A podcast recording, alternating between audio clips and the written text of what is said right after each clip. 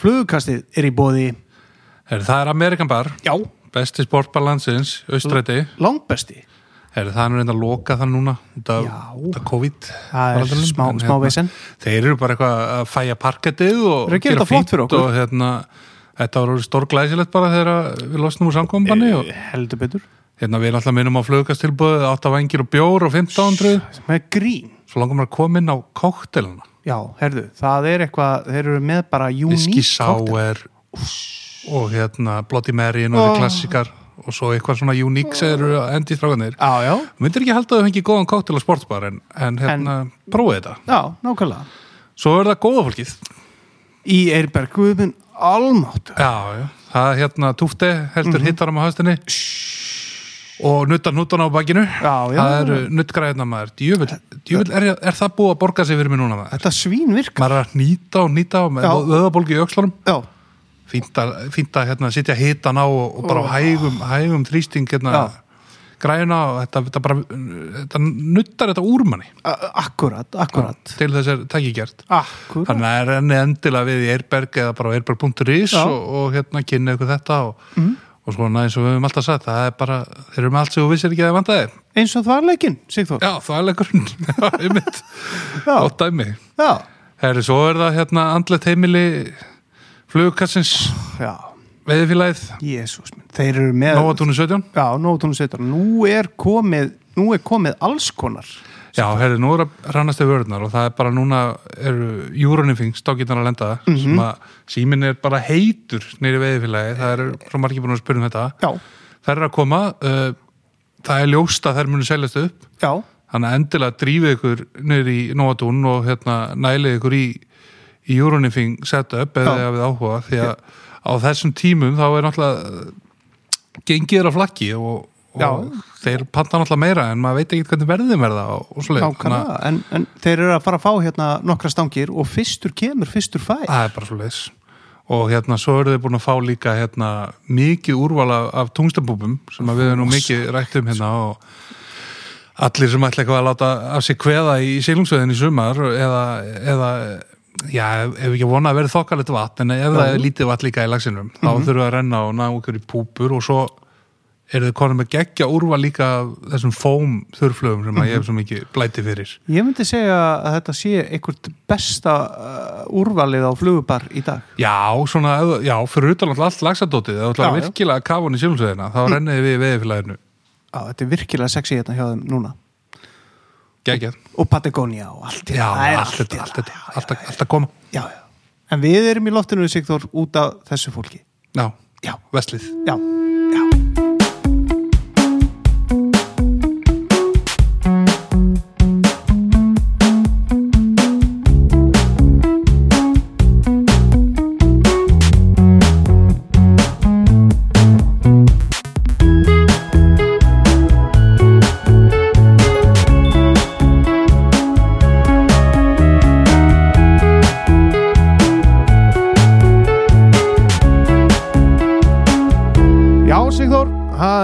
hérna komin 50 dagur og hérna ég. Já, ég er búin að standa mig núna allavega síðast og núna nú er, nú er komin 50 Það dagur er innskott að þetta sé ekki koma út á höstegi það. það. Nei, klukkan er 6 á mótni Já, já, en ef ekki segja það, hérna, víst að það komið fimmtagur, þá komist við aftur, þá komist við nú endarum í gegnum þetta COVID-rugl. Já, já, ég held að það eru bjartara tíma framöndan og ég held að þetta verði bara sumari verði bara nákvæmlega eins og það átt að vera Já, við ætlum að reyna að standa með ykkur í, í gegnum þetta og Já, já. uh, við berjumst í þessu. Einmitt. En við erum komin með gest Sigþór og það er Góðan gest. Já, það er góðu gestur eh, eins og allir gestir sem hafa komið Já, og hann er hérna Erlendubergi brotin. Já, það skemmtilegt og hérna, við vorum ekki að spája að tala bara á móðumálun hans en þá Já. myndi enginn skilja okkur Nei, en við tölum alltaf reyðbrennandi reyðbrennandi, við lærum þetta allt í barnaskóla. akkurat en hver er þetta Sigþór sem er komin hérna? Herri, það er Nils Folmer Jörgensen, hérna stórlagsaveðmaður. Stórlagsa við Já. maður Herri, velkomin í þáttinn, Nils. Takk fyrir. Takk fyrir að, hérna, að leggja út úr, félagsleira einangurinn til þess að hitta okkur hérna. Mm, Þetta er bara vana. Tök, tök, tökum það fram hérna, að við erum, við erum hérna konur í, í sófasetti hérna í sölku og við erum að speysa okkur hérna út og Já. fylgjum öllu reglum. Við erum í betri stofunni Já, það er engin sprittaður innan nema Hafstedt því að hann Það er alltaf bara engin alltaf hérna. sprittaður vel sprittaður að innan allavega Já, það er best, Hafstedt sér um það Já, já. En Nils, hvar, hvar, hvar byrjar veiði geggjunin? Hvar, hvar færðu fyrst áhugan og hvar kveiknar þetta og hvað gerist? Hvað gerist? Já, Jeg har bare født med vadestung i ah, sin uh, Mm. begynder at vade siden jeg var lille drinke 8 år. Uh, var min første flugestung, da jeg var 11 år. já, Kom fra Arvamin, sådan en gamle uh, splatcane hardy. Já, Mm. Og ja, begynder at vade hele livet. Begynder at vade alt. Men var der bedre her á Ísland i 2002. já. Já, já, já. En ef við förum aðeins svona eins og við erum nú ekki verið með neitt einna sem er talað um veiði bara í Danmörku Hafsteinn. Nei, engin því að Nei. það er náttúrulega, það er lags í jeg og vil tale, sjóbirtingur. þetta er bare så confidential. Der kemur Íslandingar bara. Já, maður, maður hefur nú séð þetta ef, ef að menn hafa svona leið yfir þessu að einhverju viti, þá átt að segja því að það eru lagsiðar í Danmörku og Mhm. sjóbirtísár Já. sem að veiðast í alveg gríðarlega stóri lagsar oft á, á tímum en, en þetta er svona eins og ef að menn hafa komið í, í affallið eða neðra svæði í varmá eða eitthvað svona þetta Já. er bara svona kanall Det er, det er ikke, så Ja. vidt, I, Island er sådan noget uh, 10 out of 10. Danmark er noget different, du ved. 20-30 år siden, der var der sådan noget skidt laksvæg i. já. Men du ved, vi er kanskje... Vi vil marke flere f- fisk, det er ikke bare silungård laks. Vi med, Gædda og- ja, og alt muligt, men du ved, Perch Ja, men alle er der ved sjovbætning i Danmark i Jauen og i, i sådan en strandvægde ligger. Já, Og så er der laksen i Jylland. Og vi er med sådan en 4-5 sådan en topstege, men topstegen er Skjerno og Storen. Mhm. Men øh, sidste 10-15 år er man der gætter sådan øh, med back to basics, øh, øh, øh, takker vildt laksen og gætter sådan en release program Okay. Mm. Har vi vildt laks, det er ikke sådan noget laks, som kommer fra Skotland, det er sådan noget. Og nu er der sådan øh, godt laksvæg nu, når du ved, når der er der farter, du ved, så er der, så er der ikke sådan noget Islands fyldt med laks, men der er godt laksvæg, Mhm. já og der er fiskene 50 pund plus. Já, þetta er bara svona Já. Noregs stemning bara þarna yfir þessu ja, du ved, øh, ved, det Er er er fladt, der- når du ved, der, du ved, jeg i lakselver og sådan noget. I gamle dager var det ved, der mikket i Nordic, men Danmark er sådan noget special. Der er mere er sådan noget social, du ved, der er meget Ja. folk, der er privat svej ligger. Ja. Men du ved, der er bare der folk, der er ved sammen, og du ved, kamer der fisk, så kamer der fisk, men der ligger sådan noget local, som er, øh, han ved bare, der går laks en stenter, og hvad er der gætter, og laksen er der takker. Mm. Og der er sådan noget, der er godt laksvæg i nunder. Er Þessi stóru fiskarna í Jólaldi, er þetta Baltic eða er þetta bara svona sem myndir er kalla Atlantic salmon, så det er Atlantic her. bara Det er Samme som okay. Norge og er. já, Nú, Baltic og laks, det er mødom og noget. mm. Nej, nej, nej. Han, uh, der kommer sådan uh, lost laks, og er der farter i Aldal med já, stundum. nej, der er grandes laks. Jeg ved, uh, to, nej, 20 år siden, der var en laks i Storlån, han var 146 cm. Og det var ikke sådan noget bullshit. Der var folk, som var der maglede disse fisk. Det var sådan en høstlaks, men uh, Ja. Hængur með krók Já, og já, já. shit Ja, han er ikke i, til i Vestlandet og Island. þetta er bara eitthvað allt annað Já, sko. þetta er bara men det klikkede andre steder, du ved, om du ved, i Norge og Rusland. Det. ég hef nú prófað svona ég fór einu til Svíþjóðar að prófa svona veiða í, í sjónum sjóbyrting Ja, þetta er held ég það aðleiðilegast að sé ég nokkuð til að prófa Hvað er það? Mér fannst þetta bara svo hræ- hræðilega glatað það var sko nýjustega frost þetta var opening day, Já. 1. apríl og það var ekki af því, það var alveg gott veður og svona þannig séð, það var stilt og eitthvað svona og það frýs ekki líkjum því þetta er sjór Já, já, Já. og hérna að bara vera þú veist að vaða í bara beltaþara já, í, og hérna vera að kasta út í sko allansafið bara beint á móti einhverju öldu og bara Já. hvað er tökustæður? ég hafði bara aldrei trú á sko. þetta var, þetta alveg umlegt ja, alt er kaldt, du ved. hefur þú farið í þetta? Svolítið? Ja, ja, du ved, jeg, ja, jeg burde ofte takke fri, når vægten er der byrger i Svibød. Men du ved, jeg burde prøve, når det er sådan iskaldt, men så er det bare der, som man er der gav af Island 1. april, så er der Ja. Ja. at bare der sætte jeg det drikke kaffe inde i, og lyst til og, og gammel country music og, Ja. og læse og sådan noget. Men Ja. ja. uh, der er sådan en stemning med.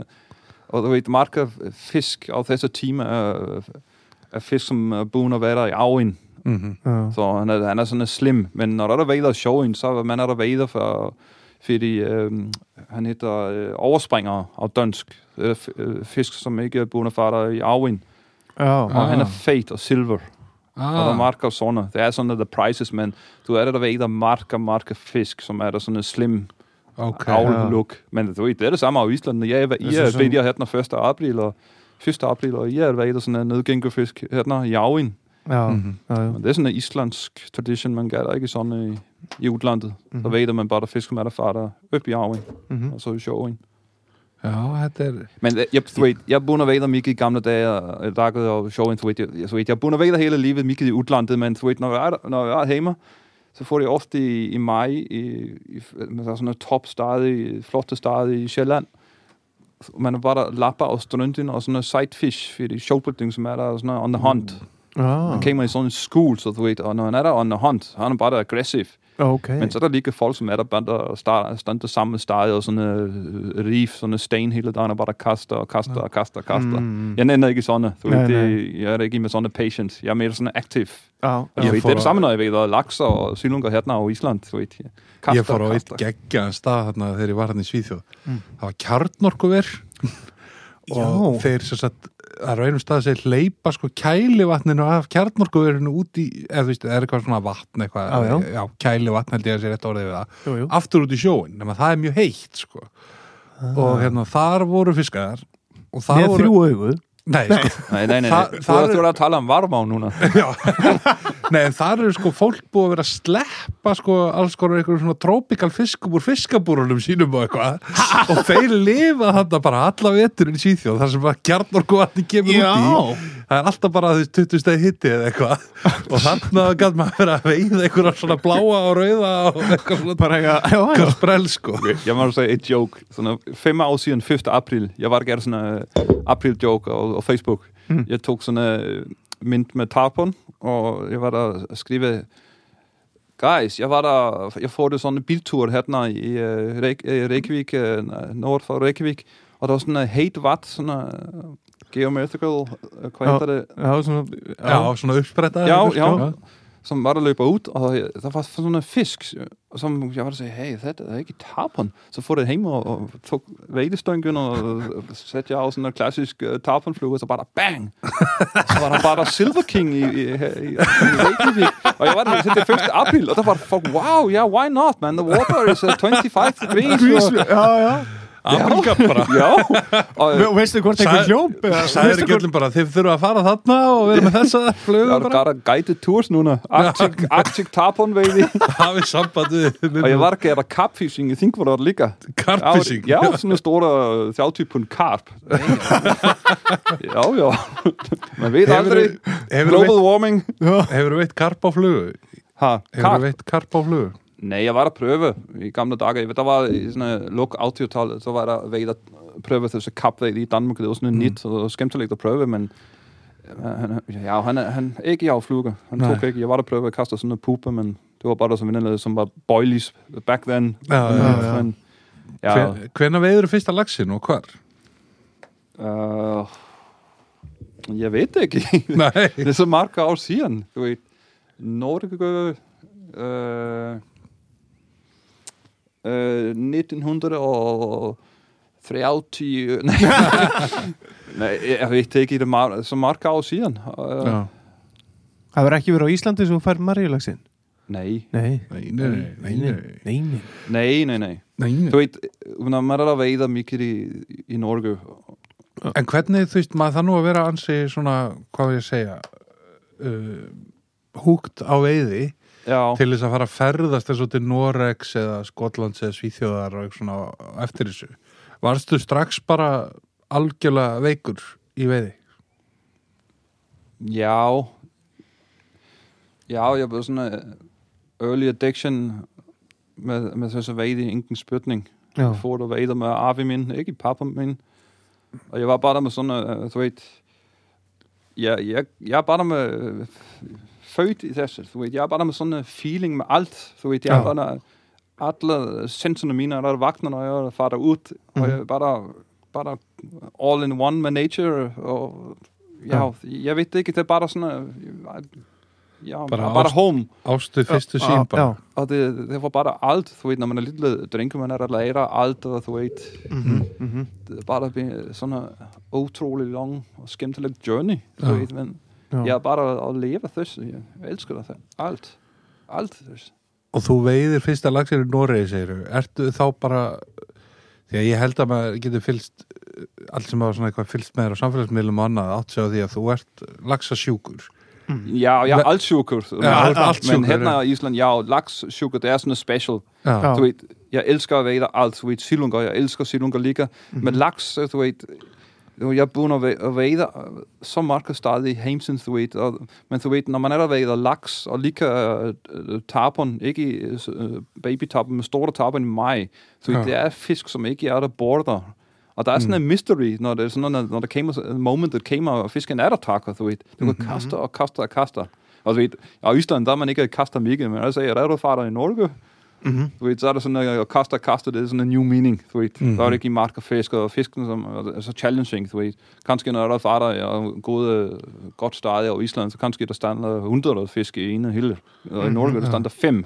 já, Og du ved, alle burde kaste af disse fisk, så det er bare sådan et trofæ, når der er væder et laks markestad i udlandet. Mm-hmm. Og du ved, han, tak, han er ikke sådan, han er ikke i border. Du ved, det er som, når der væder store taperne i maj i Mexico, Florida, Cuba, det skib drinking mau. Mm-hmm. Han er der, du ved, som jeg sagde, at vi har med sådan en expression, som hedder cheeseburger-taperen. Já, Du ved, der, når der kommer sådan en string med tarpon, der er kanskje 50 fisk, og alle 70-200 pund store fisk. Og du ved, og guiden er ofte der siger, du ved, det er godt at være der med guide, der tarpon, det er mere advanced end lakse. Mhm. Men han er der siger, at det er cheeseburgerfisk, og det er sådan en fisk, som han var der siger, Nils, if you are having sex with the most beautiful girl in the world, and somebody would show you a cheeseburger, what would you look at, the lady or the cheeseburger?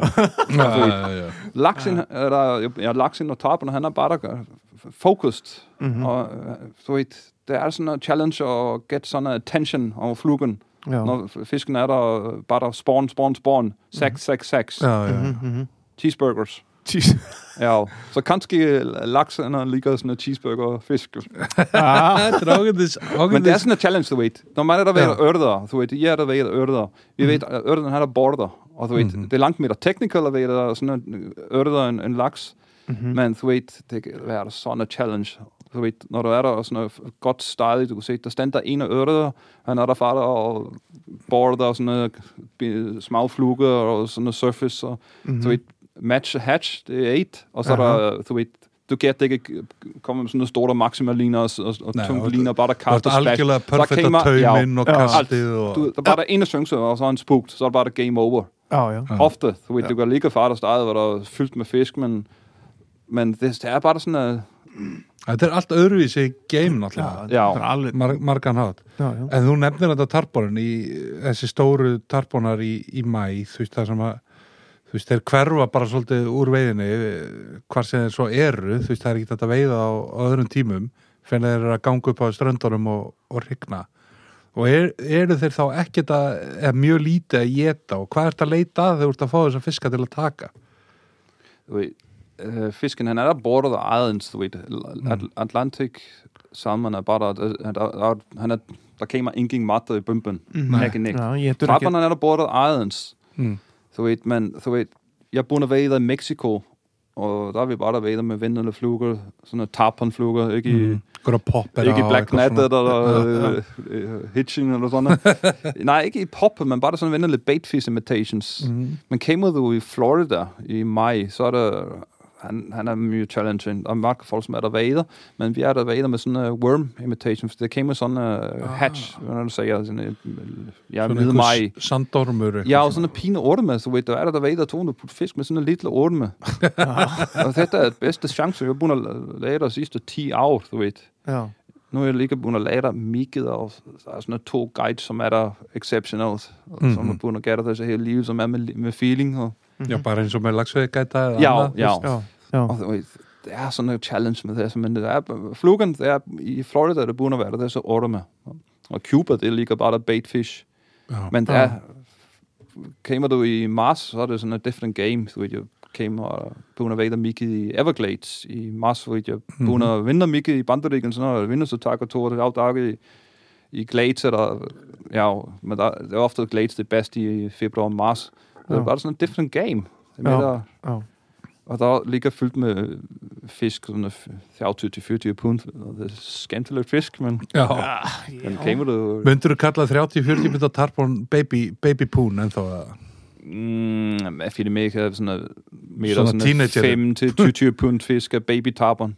Já, Det findes 30-40 pund fisk, men det er sådan en store fisk. Men það er ekki þetta að kalla það baby sko Ja, og, men du ved, når der kommer sådan noget øh, fisk, hvad s- sidste jeg sidste år, jeg fik et sådan noget fisk af 140 pund, du ved, det er mere sådan noget serious game, du ved, når der sætter jeg sådan noget fisk, Jesus. ja, men du ved, fisk, der er et fisk i 200 pund plus, men 140 pund fisk, det er, det er sådan noget serious shit. Det Já, er der bare, der use all your body weight. Uh, ja. Og så er sådan noget 30 pund fisk, det er bare der småfisk. og þeir stökkva náttúrulega bara eins og fá þetta Já, það gerir þetta ekki alveg bara Ja, du ved, var det jo sætter i hytte 140 pund uh, thinkalot ørreder, så er der langt mere power i sådan. Du ved, Jeg er ikke joker. Já, Jeg er ikke joker. Du ved, ørreden i thinkalot, han er det stærkeste fisk, sådan noget way to... Ja, Já, Pound to pound pound. pound ja, það- det klikker. Og du ved, det er bare der eneste sted, jeg begynder at være ørreder, som er sådan langt mere stærk end laks og Já, já, bonefish, han er der far, der sådan noget, ja, to, to, two runs, og så er det Så men det er ørtet, han er bare der after, after, after. og du ved, sailfish ligger, han er fastest fish in the sea, men du ved, han er sådan under control. já, já, Men så vidt, nu nu er jeg vader mycket i Iren, og så, det, så vidt, de lidt fluge, og øh, lidt, en- lidt en tøm og sådan noget. Mhm. Og han er bare der farlig. Han er bare der farlig. Men Maula med sådan en stor fisk, sådan en tarpon. Uh, du kan sætte jer ned, og jeg var der begyndt at være der sådan en 900 kilo kat. Og så ved jeg, jeg sætter alt, jeg er med. Det er sådan noget fisk, og, og han er farlig, så er han farlig, du ved. já, já. Det er bare der hold on to it. Så, já. ja. Hold on Men to nej, whatever bara. Me, okay, der er en, en af sager her. Jeg, jeg, jeg, jeg er der ved i Costa Rica ligger øh, bedste ved i stedet for sådan en offshore øh, sted, som hedder Sankudo Lodge. jag vet inte mycket tonfiskar och sailfish. Så idag så mycket sailfish så det är bara sån ända för dig det är sån ja okej ah, okay. boring så nu efter tutufisk men anyway det är top gammal inking vinter och flott startade och sightfishing med poppers. Men der var en dag, der kom et marlin. Ja. Marlin? Ah, man er der, og, sådan, og vader med teasers med ingen krukke, ja, sådan ja. trolling teaser, og så kommer fisken op. Og du og sådan noget, ja. Og så puller det teaseren, og ja. henter fløden ud. Ja. ja. Men der came en af fisken þetta er ikke þetta er ikke sailfish. Nej þetta er marlin. Og der kaster af det her dybet og han tog bare der. Og þetta var bare okay you you win. Du ved you bare sit sit down and enjoy. Bare Ja, okay. okay. du ved jeg er der var en af sådan en Ja. største jol var og Northlius monster. Og þetta var bare uh, singing a different tone det var bare det var gæt ikke gerne ned já, bara alt af bremsen. Og þetta fisk, han var bare der, ja, I don't give a fuck. Bara- derind og bless. farin. Ja, jeg har aldrig begyndt at prøve sådan. Det er bare, jeg var bare at sige, okay, I'm gonna enjoy this moment, just look at my reel. Ja. Og så uh, gik jeg af strakkerne og sagde, ja, ja, ja, ikke? Ja, og han får, jeg ved, jeg var med linje 12, og der var ingen challenge for disse fisk. Shit. og bremsa náttúrulega bara í ja. og Það er alveg skita bara að vera aftan í einhverjum tógara bara. Já, bara MS Já, bara- fyllikúlan bara. bara mér er skýt sama. Han var hopper líka, þú veit. Já, já, já. Þetta var bare, ja, you win. Já, Det er sådan en stor hjertskælv i Island. Stender hatten og pine lille mand, du ved, ja, okay, you're stronger than me. já, já, já. Hvernig hérna endar á Íslandi, Nils? um, er begyndt at læse mycket øh, om Vade i gamle dage, og begyndt at sjove hans Vade-mynd, og bare sådan noget myndigt fra Island. Mhm. Ísland var náttúrulega mjög hot svona inn í Ja, 80s. ja, men du ved, jeg kom 80s, her i 90s. 2012, første færd, og du ved, der var det ikke sådan ind Island. Folk var begyndt at tale, tale om þessi veiði. Du ved, vi var med en af uh, mindestørre i Danmark, som hedder Uffe Ellemann Jensen. Já, Han já. var der sådan en buk lige, og han får det ofte, i, når han er der far der i, i udlandet, var der sådan en stopover i Island, og fara i, i Sedelag og i Stortelakser og skrive en Ja. fest. Det var mye spændende, men så var det sjovt mintet. Så vet, når, man, når man er der vader i, så nu la- midt, laksvade midt, det var det i, i, i Skandinavien, så vet, der er ingen sightfishing. Det er bare der kaster og kaster og kaster med store og stankgitter. Og, Ja. så vet, og alle folk er der taler om laksen, men det er bare der speculation. Man ved det ikke, ikke? Og, men det er bare der kaster, Nej. kaster, kaster. Man ved ikke, om man gør det ret. Men så var det schon Mindifrau, äh, eh, Milfjärdau och sådana. Ja. Och så, oh, fuck, man har wow. prøve det. Så bare bara sightfishing og så vet, øh, bare der er flott alle staðir hérna, það er engin folk og það voru það kannski myndið þannig að Henrik Mortensen og eitthvað svona sem þú ætti að sjá eða? Ja, jeg var der vinner med øh, Henrik. Jeg var der byrja fyrirtæk i, i og þessi tíma var der veider i Svensson Sports. Vi var der gætter þessi brand som hedder Shatter. Ja, ja, ja. Og jeg var der gætter alle stankene og vedel og jól og sådan Mm. Og så Ja. Henrik, han var der byrja að vinna med okkar líka á þessi tíma. Og han var der Geita og Rangá og sådan så jeg Mhm. får det i, i Rangá líka. Men ja, det var skemmtiligt. Jeg var der ja, det er sådan en another story with, with Saken mitt var der byrja med gode venner i Rangá og Midfjalla, men gode venner, jeg var gækket folk som Johannes Henriksson, som er det bedste venner mine nu, Já. og som bare der, hjælp, var der hjælper med alt det. og- Ja, det var bare der gode timer, som meget skemmtilige folk, og Ja. godt ved i, men anyways, så vidt, man er der, jeg var der, jeg får det i Midfjorder og jeg får det lagt så døllom, og sådan noget stadig, og det var sådan noget arven, og var bare der ved med indhånder, Mhm. og det var mere som at ved der silunga, du ved. Já. Uh, der var folk, jeg og locals, som var came med store fluger, øh, sådan noget, øh, som f- store snælter og sådan, og Mhm. du ved, ja, ikke var der ved der Mikkel, men så, jeg, jeg var der later, og came der med sådan noget, med der øh, brown trout skills, Mm. Og, og sånn lille stadier sightfishing. Så vidt. Jeg var der lærte som mikið af þessu, så vidt. Ja. Alt þess að við áður lærte Skandinavið, þetta er bara bullshit, eh, mikið bullshit, så vidt. Ja, ja, ja. Þetta er ekki gott, så vidt. Speculation bara. Ja, það er mikið speculation, så þetta er bara svona kon constant payment, hérna var að gera svona failcast, så vidt, og það er í, þú veit, í Hlíðarfors í Midfjallað, þú veit, bare sjá alt, þú veit. Mm -hmm. Et kast for langt, så er det game over, så veit, så er det laksen, han bare faren i circles, circles, Mhm. og ja, det var bare begyndt at lære så mycket, men þessi technical vei, det var så skemmtilegt fyrir mig at prøve nyt Ja. og lære og bare tune in og bare better og better eh, alle dager. Ja. Mm. Og så bare uh, surroundings hérna. Det var fucking breathtaking. det var da, ja, jeg har aldrig bundet sjov sådan en nature hérna. Ja. Og, og vei dine ávene så mikið plass og bara hille eftir hille með Engin tré, engin tré. Getur bara tekið overhead og... Ja, men det málega med kast, kommer fra Skandinavia, så jeg, jeg har aldrig bundet at vade overhandkast i laksvade. Uh, med indhånd og, og, og meget. Jeg vader bare underhandkast, du ved. Ja. Jeg er bundet at lade og vade, og sådan, uh, Jørgen Andersen kastet, fordi jeg var du ved. Så, ja, ja.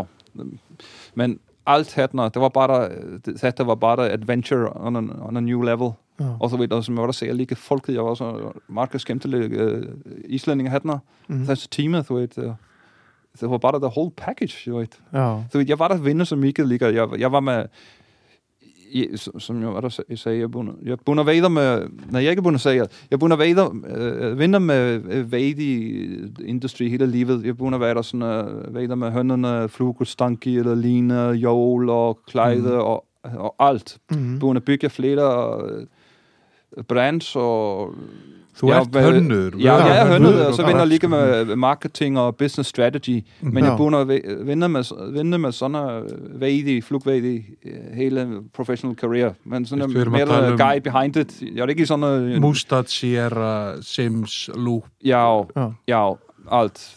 Uh, eller ikke alt, men jeg burde gøre alt. Ja, men lige, ja, ja. som jeg sagde, business strategy og sådan, men jeg er ikke sådan en kat, som stender, hey, look at me, look at me. Nej, jeg, nej. jeg kommer aldrig med sådan en uh, Mm. signature, ja, ja, du ved, jeg, men det er det godt at være der lidt behind. signature Og, jakken. Ja. Men jeg burde gøre det til hele livet, og jeg burde være der øh, sidste syv, syv år, burde være der sådan en global design og marketing manager i Mustard Liga, som jeg vender mig, du ved, i september, øh, øh, jeg er kanskje begynner maj, så jeg bare der sidder i flygvalg. Ja. Øh, Far der, far der, alle steder i Hemsens med Ja. meetings, meetings, meetings, meetings. Og så ligger øh, gætter, jeg ligger production og sådan hønnet og ligger, så jeg Ja. både, både gør der strategy og management og og hønnen, men jeg elsker alt det. Jeg, jeg gætter ikke bare gætter et job. Jeg, jeg bare gætter alt selv. Jeg er, sådan, jeg er bare on fire. Det er Ja. sådan, jeg er begyndt at være med sådan et luksusliv og, og combine uh, hobby med, med business on a high level. Ja. Jeg elsker alt det. Så. Ja. Men jeg lige som þetta, i, så vidt, jeg var der gætter sådan i 2002, vinde alt for mycket. Jeg var der gætter alt selv. Jeg var der vinder i Svensson Sport, jeg var der gætter Share, jeg var der gætter på Logic og Savage Gear, Ja, og ja. alt. Der var der alt for mycket. Jeg var der gætter fotos og marketing over hønnen. Og så, så ved, jeg var stresset, men ja. Ja. så får jeg over Island, og der var bare det eneste sted i Hemsen, jeg var bare, okay, I'm unplugged. Jeg var bare slakket af. Það er bara Bara peace. bara alveg bara, ved, jeg kan da fara veiða i Skotland, men hausin mitt var bara i business, business, business. Jeg var der veiða med kallar og kallarni fra Glasgow, England Center og sådan, så vi har der tale vinde og sådan noget. Så ved, Manhattan, så var når jeg var der veiða med øh, Johannes og sådan, og øh, Gummi Atli og alt det, så gamle Mhm. strakke. Mhm. Det var bare, vi erfaring Já. chill out, og så vidt, der var så mye spændende, så spændt i væg, så vidt, altså sightfishing og sådan noget. Og ja, alt havde hele pakken. Bare når man kom i, i når man var derude og øh, flygvælden i Keflavik, já, så så air, det er bare så clean, Icelandic air. já, Du ved, det er bare, ja, jeg ved, det er bare magic, havde noget. Já. já Byrjaru að gæta fljótlega eftir þú kemur hérna eða varstu búin að vera hérna koma að veiða nokkru sinnum áður en þú Jeg var der Kæmpe- vejder et år full speed. Øh, første år, jeg var her, jeg var vejder syv startede, bare der laksvædig. Já, Og så, okay, ja, det var 2002. Jeg, jeg, jeg, jeg var bedre at guide- guide i 2014. já, Ja. Jeg var der guide ans i, øh, i Esterang og i, altså i midfjerde år. já, Øh, men så vidt, jeg var der, øh, og er der vejder med dig selv. Jeg guider Adens nu lige, men jeg er der bare Ja. der øh, vejder meget, så vidt. Men jeg er der guider folk, som er bundet guider Markau i Mhm. mm. Laksov, i Aldal, Næsvejdi og, mhm, og i Videre, så og, og, ja, det er sådan en cozy nu, når man er bundet vejder og guider med samme folk i så Markau, men já, men jeg var der guide i 2014 og 5, da så startede. Og så jeg var der med dig selv. já, Men du ved, jeg har med stor respekt for folk, som er der guider hele af, men jeg, jeg vil være der selv lige. Mm. já, já Skilja En hérna, við langar að spyrja um eitt hérna Nils uh, það er Íslandíkar uh, þú veist, bæði í sílungsveið til dæmis, það er ekki svo langt síðan að það var bara sagt að það var hægt að veiði minni að á vorin svo bara hverfu fiskurinn. Veist, það var, Íslandíkar fóru bara með stóran strímer að þetta veða sílung og bara 20 bita taum og ef veist, tók ekki, það var bara ekki fiskur. Um, þú kemur úr svona skóla eins og talaður um að kasta og kasta og kasta og kasta. Uh, fáið fiskar meiri áherslu á að kasta. Mhm. eh, finnst þér ekki svolítið það hefur verið satt um okkur íslíka við séum ekki mjög tæknilegir og séum ekki góði kastara til dæmis heldur að það ekki líka að hjálpa þér svolítið svona eins og þú kemur í rángátnar og stórar ár og svo í nesi og annað sem hún verið mikið að að vera búin að þjást í Norri og fá að kasta svona mikið mm. það getur bara strax komið inn með kannski betri kastækni heldur en veðmenni sem að voru hérna fyrir það. du ved, leider góðu kastar og mjög góðu veiði maður kalla hérna á Ísland líka það er svona með, með veiði teknikal veiði som i golf og allt andet sådan noget. der er folk som er med gode teknik og optimized alt mm-hmm. og folk som er der selvfølgelig med gode feeling mm-hmm, og, ja. og skiller og, og sådan med gode tactics og, og ja det er tactics og presentation mm. er bare a hater of the game mm-hmm. og et- nu sagde jeg, mini var det like, skiller du som... Øh, hvad det, 5, 6, 7 år siden, jeg, jeg var der guide en dag i, i Mini, Mini var det like, mhm, der kom en af meget fra Vejdebud i, som var det Vejdebud i Hertna i Reykjavik med, og Katlen var der, sæl- sælger Katlen, der Vejde meget en stunk, som var lignende 8, og, og sådan to øh, spoler med Maxima, Thick Ma- Maxima. Og så ved, i mine var det like, så ved, Bara I, ved, átján I er bara. Er en challenging style. mhm, Já, bara Så, sá þú veit- mest challenging. Ég held það, sko. og du gætter ikke sætte jer sådan en øh, tøm, uh, thick tøm i Nej. i sådan en lille fluger. Mm Mhm. Vejder med átjón fluger.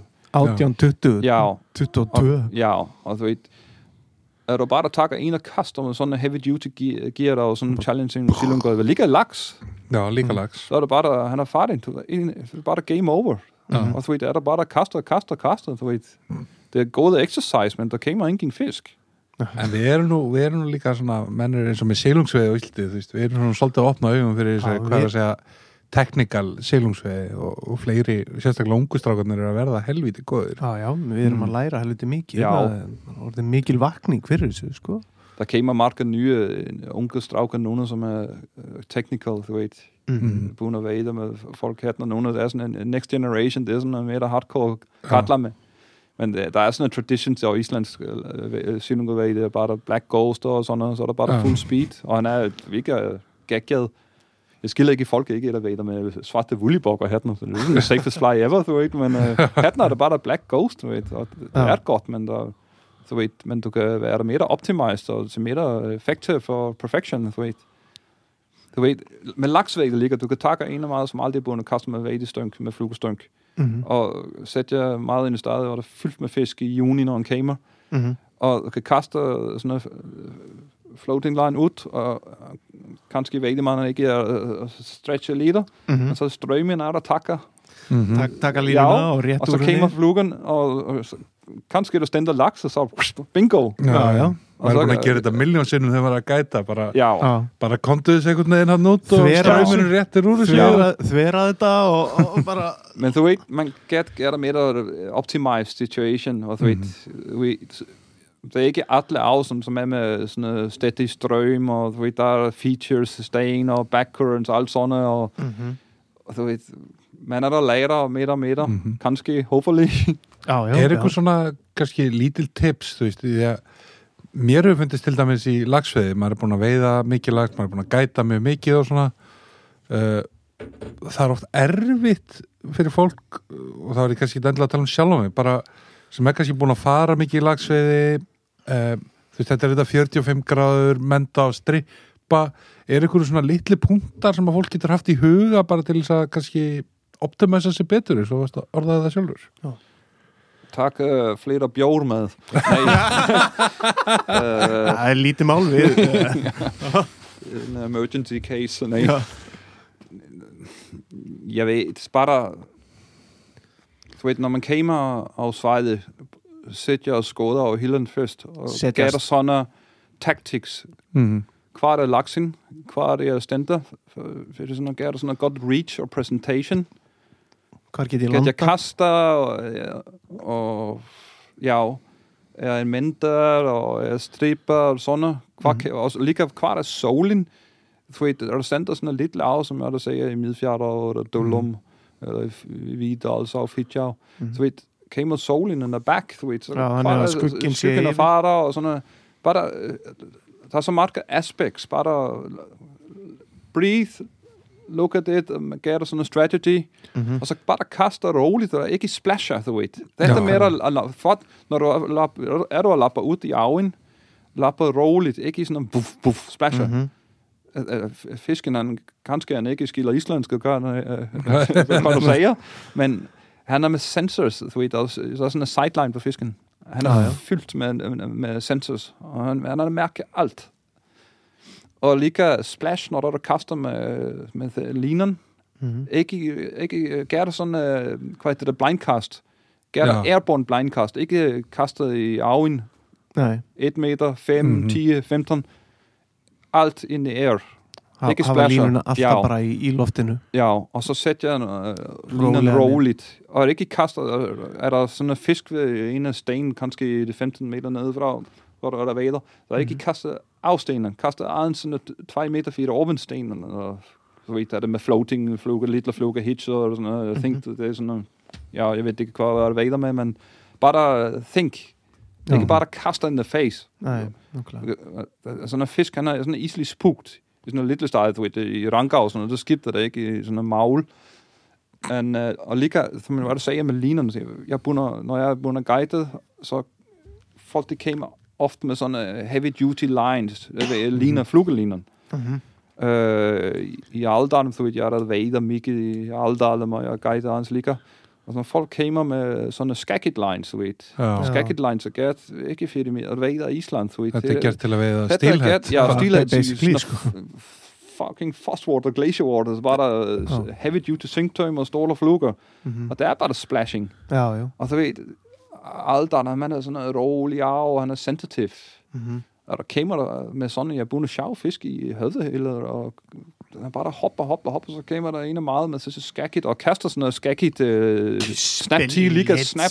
Han er der splasher, splash 1, hætten og splash, splash, og så han kaster splash after, Mhm. og så mender, vuh, splash. Já, Og så ved, ja, så ved, before the flies by the fish, han, han, laksen han ved, okay, something is ri- not right here. Mhm. Já, já Du þetta ved, er hvad er der roligt? Så- Og vader, laks og silunga og alt. Det ligger bonefish og alt. Mhm. Du ved, det er som, man- þú er, at, var du og vader i øh, fjallet, eller fara og hvað heitir það, svona, hvað heitir það, reindeer, Já, Mhm. þú veit. bara láta lítið fyrir þið fara og, og Já. svona Þú, þú er að vera invisible og uh, out of, já, out of touch, var að segja, nei. já, já, já. nei þú veit, uh, soundless. Já. Þú er bara ninja. Já, já, Ninja. fara, Já. taka ninjun á þetta Já. Já, já, svona án þess að- að að gera sér eitthvað fíbli og vera skrýðandi og eitthvað svona, Já, já, já. já, já. svona það er, það er takmörg sett líka já, Ja, vi skal en uh, camouflage næste år. Vi skal være der sådan en kytling, der, er der Ja. sådan en sheep uniform. Sheep camouflage. Já, já, já. Nej, du ved, I skiller hvað jeg siger der. Sådan uh, Já, já, algjörlega. invisible og, no en þú, sounds. þegar þú talar til dæmis um að- að að gera plan þú veist, þú leggur bílnum hana við eitthvað sem bakka hiljum í, Sæt í jeg bilen i Selfos, og så fatter jeg høvdehylder i Alderne. Nej, joke. nei, þú leggur bílnum við eitthvað sem hiljum eins og í Víðdalsáða sem er svona, kannski, þú leggur á eyri og svo er svona hár bakki hinum einn Silungabakke. eller- Já, já, eitthvað- eitthvað. Já, en þú veist og þú stoppa bara, fer út í bílnum horfir hans á og þú gerir kannski allt planið fyrir staðinn þú veist, þú er kannski búin að teikna ég ætla að byrja með þessa og svo þessa og svo þessa flugu Já, svona, svona, svona, ég ætla að standa hér ég ætla að menda upp eða menda niður og já, þú er búin að teikna þetta allt í hugunum áður og byrja að veiða já.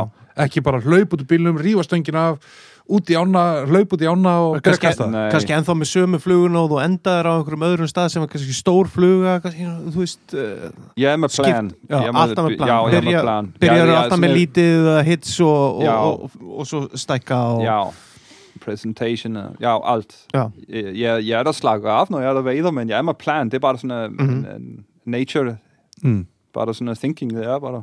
já. Já. svona smá vingill Sneaky, sneaky bastard. Ja. Ja. Sådan. en smá vingill inn í svona út frá þessu, hérna, smá segway hérna uh, flugurna hennar, þú náttúrulega nýtir flugur og Já. hannar flugur og veiðir á þínar eigin uh, hannanir, uh, hannanir uh, flugur, flugur um, skiptir þetta miklu máli? Skipt, þú veist, það er oft sagt þess að í lagsi að flugan skiptir ykkur máli að bara koma það sér eitthvað hann kult í þessu uh, Já. ræta Ja, ja, ja, big time. Big Big, time. time. Mhm. Ja. Flugerne, som jeg burde gøre hatten sidste 10-15 år för Island. Det är bara för Island, du vet. Mm -hmm. Jag är med sådana kanske bästa flugorna mina, most popular, som kanske, men jag är vidare med mycket autumnhooker. Mm -hmm. Du vet, jag är med sådana... Øh, han er ikke i samme fluge, som er der vægter med i Arldalen, som i Vastelsaal og Videlsal. Nej. Øh, men han er kanskje en med sådan, der lightly dressed og heavily dressed, som I ved.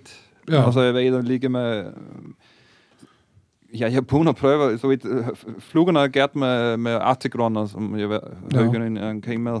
Häst, hästar? Ja, mm -hmm. och dessa flugor ligger med radian.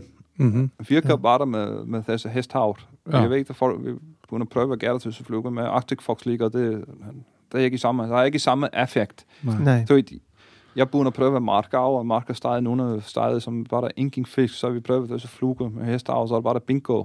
Mhm. Mm. Jeg skal sige, at en af gode saker, som er really convincing, som jeg sagde med, sagde med fluger nu, når skibet ikke mavel. Mm. Uh, wait for this one, wait for it, wait for it. Okay. Okay. Der var en gode dag i 1953. Øh, jeg var pappa, ja, nej. nej. Der var en dag i, øh, i Aldal, øh, hele Laksøj i Aldal, hvor det var stendødt. Ja. Ja. En ting var der ved der fisk, og en ting så var der laserfisk. Så var to gode venner mine, som var der guider ligger. Men vi var øh, fri, var der vader, og var der sat jeg af, øh, vi var der, ja, så Radiant Fly, jeg var der gætter. Mm. Og han er sådan, uh, han er special eliten, han er ikke bare der vindelig svart Nei, og blau. svona og ikke? grá, brún, Nei, han er grá og svart og sådan, sådan peach líka. Já, einmitt Så er sådan svona. er doll, doll lítir. Hann er eins og vestið Ja, já. Ja, pínu, já Nej, nu, nej, nej, nu har du búin að segja hvad er det. Det er sådan en secret, jeg var den bedste. Nej, Nei, hann er í kamogalla bara- hérna Þetta Við er sjáum privat, hann ekki þetta er privat øh, party hérna. Nå, nej, nej. Katlerne var der vader i, uh, i stedet, som hedder Stifland, Holmøder Stifler i, mm-hmm. i Mhm. Nessie. Mhm. Som jeg har der sagde, jeg, kan- wait, der var ingen folk, som var der der fisk i laksemilie, artbåd eller Nessie. Så jeg meget et, han var der bare der racer fisk efter fisk. Kanskje 10-15 fisk i disse, og bare der radiumfluger, alle stadig. Kan bare der fisk hele tiden. Já Så stunk nummer 2, han var der ved med alt muligt. øh, Classic, øh, alt, alt fluger. Og vi der taler bare der sådan uh, dobbelt krukkefluger, ikke tuber og sådan noget. Mhm. Mm-hmm. Kanskje var det jeg ved det ikke. Men det er så meget, øh, som var der med alt disse action, han var der, så jeg, come on, bare der prøve disse fluger, det er, det er bare der magle under. Mm. Og så fik han sådan en radian ligger med hesthav, og så var der disse to katler, hvor var der med fisk hele tiden. Det var der konstant, kanskje var der rigtig 24 fisk, og det er så kølvagt. Og Wow. Adler stadig, øh, hvor Adler stanken i armen var bare der reported Nú- mm. agget. En hvað lönduður einhver með? Reistu bara 40 Vi var der sætte flugerne i makri. Nej. ja, det var det. Og jeg begyndte at prøve det så ligger. Mhm. Jeg begyndte at prøve det makroflugerne ligger, altså autumnhooker ligger, men nu var det to år siden, jeg var der gærte sådan en sidste fluger til Radium, som hedder Meridian, mm-hmm. og Mhm. det var sådan noget sommer. Så du ved, ja, I ved, de sidste 20 år, så at være roligt laksevæg i Norrland det og Island. Mhm. Og vi var med sådan en challenge i 2000 og, var 2018. Men uh, så var vi at prøve til som Meridian-flugen. Og det var det samme, du ved. Lilla, Lilja, gamle Lilja, Já, hun já. får ud, og var der ved sin uh, kvöldvagt og to klokketimer, hun var der og landede fjo laks og første kvöld, er som Meridian. Wow. Og, siden var der bare der bingo, men jeg var ikke i Marmarka, jeg var bare der kanskje med 10, og det er så Meridian fluge, Mm. som jeg var der gætter selv, og, og så der var bare der party og så fluge, men så var en bui, ikke flere. En ertu ekki sammála því til dæmis eins og þú veist, í lagsveiði svona kannski 80% af tímanum skiptir flugan kannski ekki alveg öllu máli. Meira svona framsetningin og eitthvað þú veist, þegar nýgengin fiskur í þú veist, einhverstað neðalagi á og eitthvað, þú veist, hann er að fara að taka Haug, hann er að fara að taka Francis hann er að fara að taka Radian þú veist, en svo er þessi auka 20% sem þú þarf svona að rembast virkilega við og þá þarf það að vera að pæla í flugunum men jeg ved jo, der er, er mange parameters, og det siger vejdig. Der, der er meget, som jeg også siger, ligger presentation, Mhm. og timer, du ved, øh, kommer laksen, jeg begynder at sjove laksen, som kommer fra showing, og du ved, uh, uh, literally, du ved, det er Kortberg hattner, lidt laven, som Ja. ja. i, i Reykjavik hattner. Mhm. Laksen, han, er, han kommer bare og plup, far det i et forsin, og så i aven. Og så første heller, når der stopper, han takker ikke i banen, du ved. Nej. Så kanskje det takker sådan en halvved klokketime, sådan, sådan at settle in. Já, Og så er der sådan en window, hvor han er der takker. já. Men så ved når der er der far langt op i aven, så er han med der sådan en settled, settled end. Mhm. Já. Og så jeg, jeg, jeg er der bare der hele tiden begyndt at sige, er, er der sådan noget laks, så er der sådan en method. Men du ved, jeg begyndte at være der challenge sidste dag i lakselve. Du ved, i Norge jo er det raider. Du ved, der var marker laks, men han var... Ja, det var sådan en challenge. Ja, Ja, kaste, ja. Kaste, kaste, men... Ja, jamen, jeg skiller godt, jeg siger, men der er sådan, kanskje det er 20 procent, men jeg, som jeg, jeg, jeg siger lige, alt det, så det er bare, der var 120 procent optimized hele tiden, så er du med bedre chancer, og ja, Algjörlega men du ved, som man ligger, det er, det er ligger og chiller og enjoyment. Det er ikke, jeg, jeg, jeg er ikke sådan en machine Så ved, jeg er der og chiller, men det, så ved, Mm. det, det er sådan uh, fedt med det. Det er ikke army det er passion. Ja, jeg elsker ja. bare at være sådan. Men, No. men jeg er der ligger og slakker af. Jeg ved aldrig t- t- seks klokketimer og vagterne. Ved mere fjorter og sådan, men, Já, já, já. men når der er faktisk sådan noget flot hele, så er det alt, alt ja, bare med plan. Stundu Mm. kannski bara besta tímanum best var í það kannski kvíla eitthvað Ja, og jeg er der kviler mikið, du ved. Jeg, jeg er der aldrig at være samme sted i to, sådan, øh, samme sted i, ofte, øh, hvad siger man, two times eller Já, sådan noget. já, Já. Så er akkurat det far det andet sted, og så prøver vi after. mm.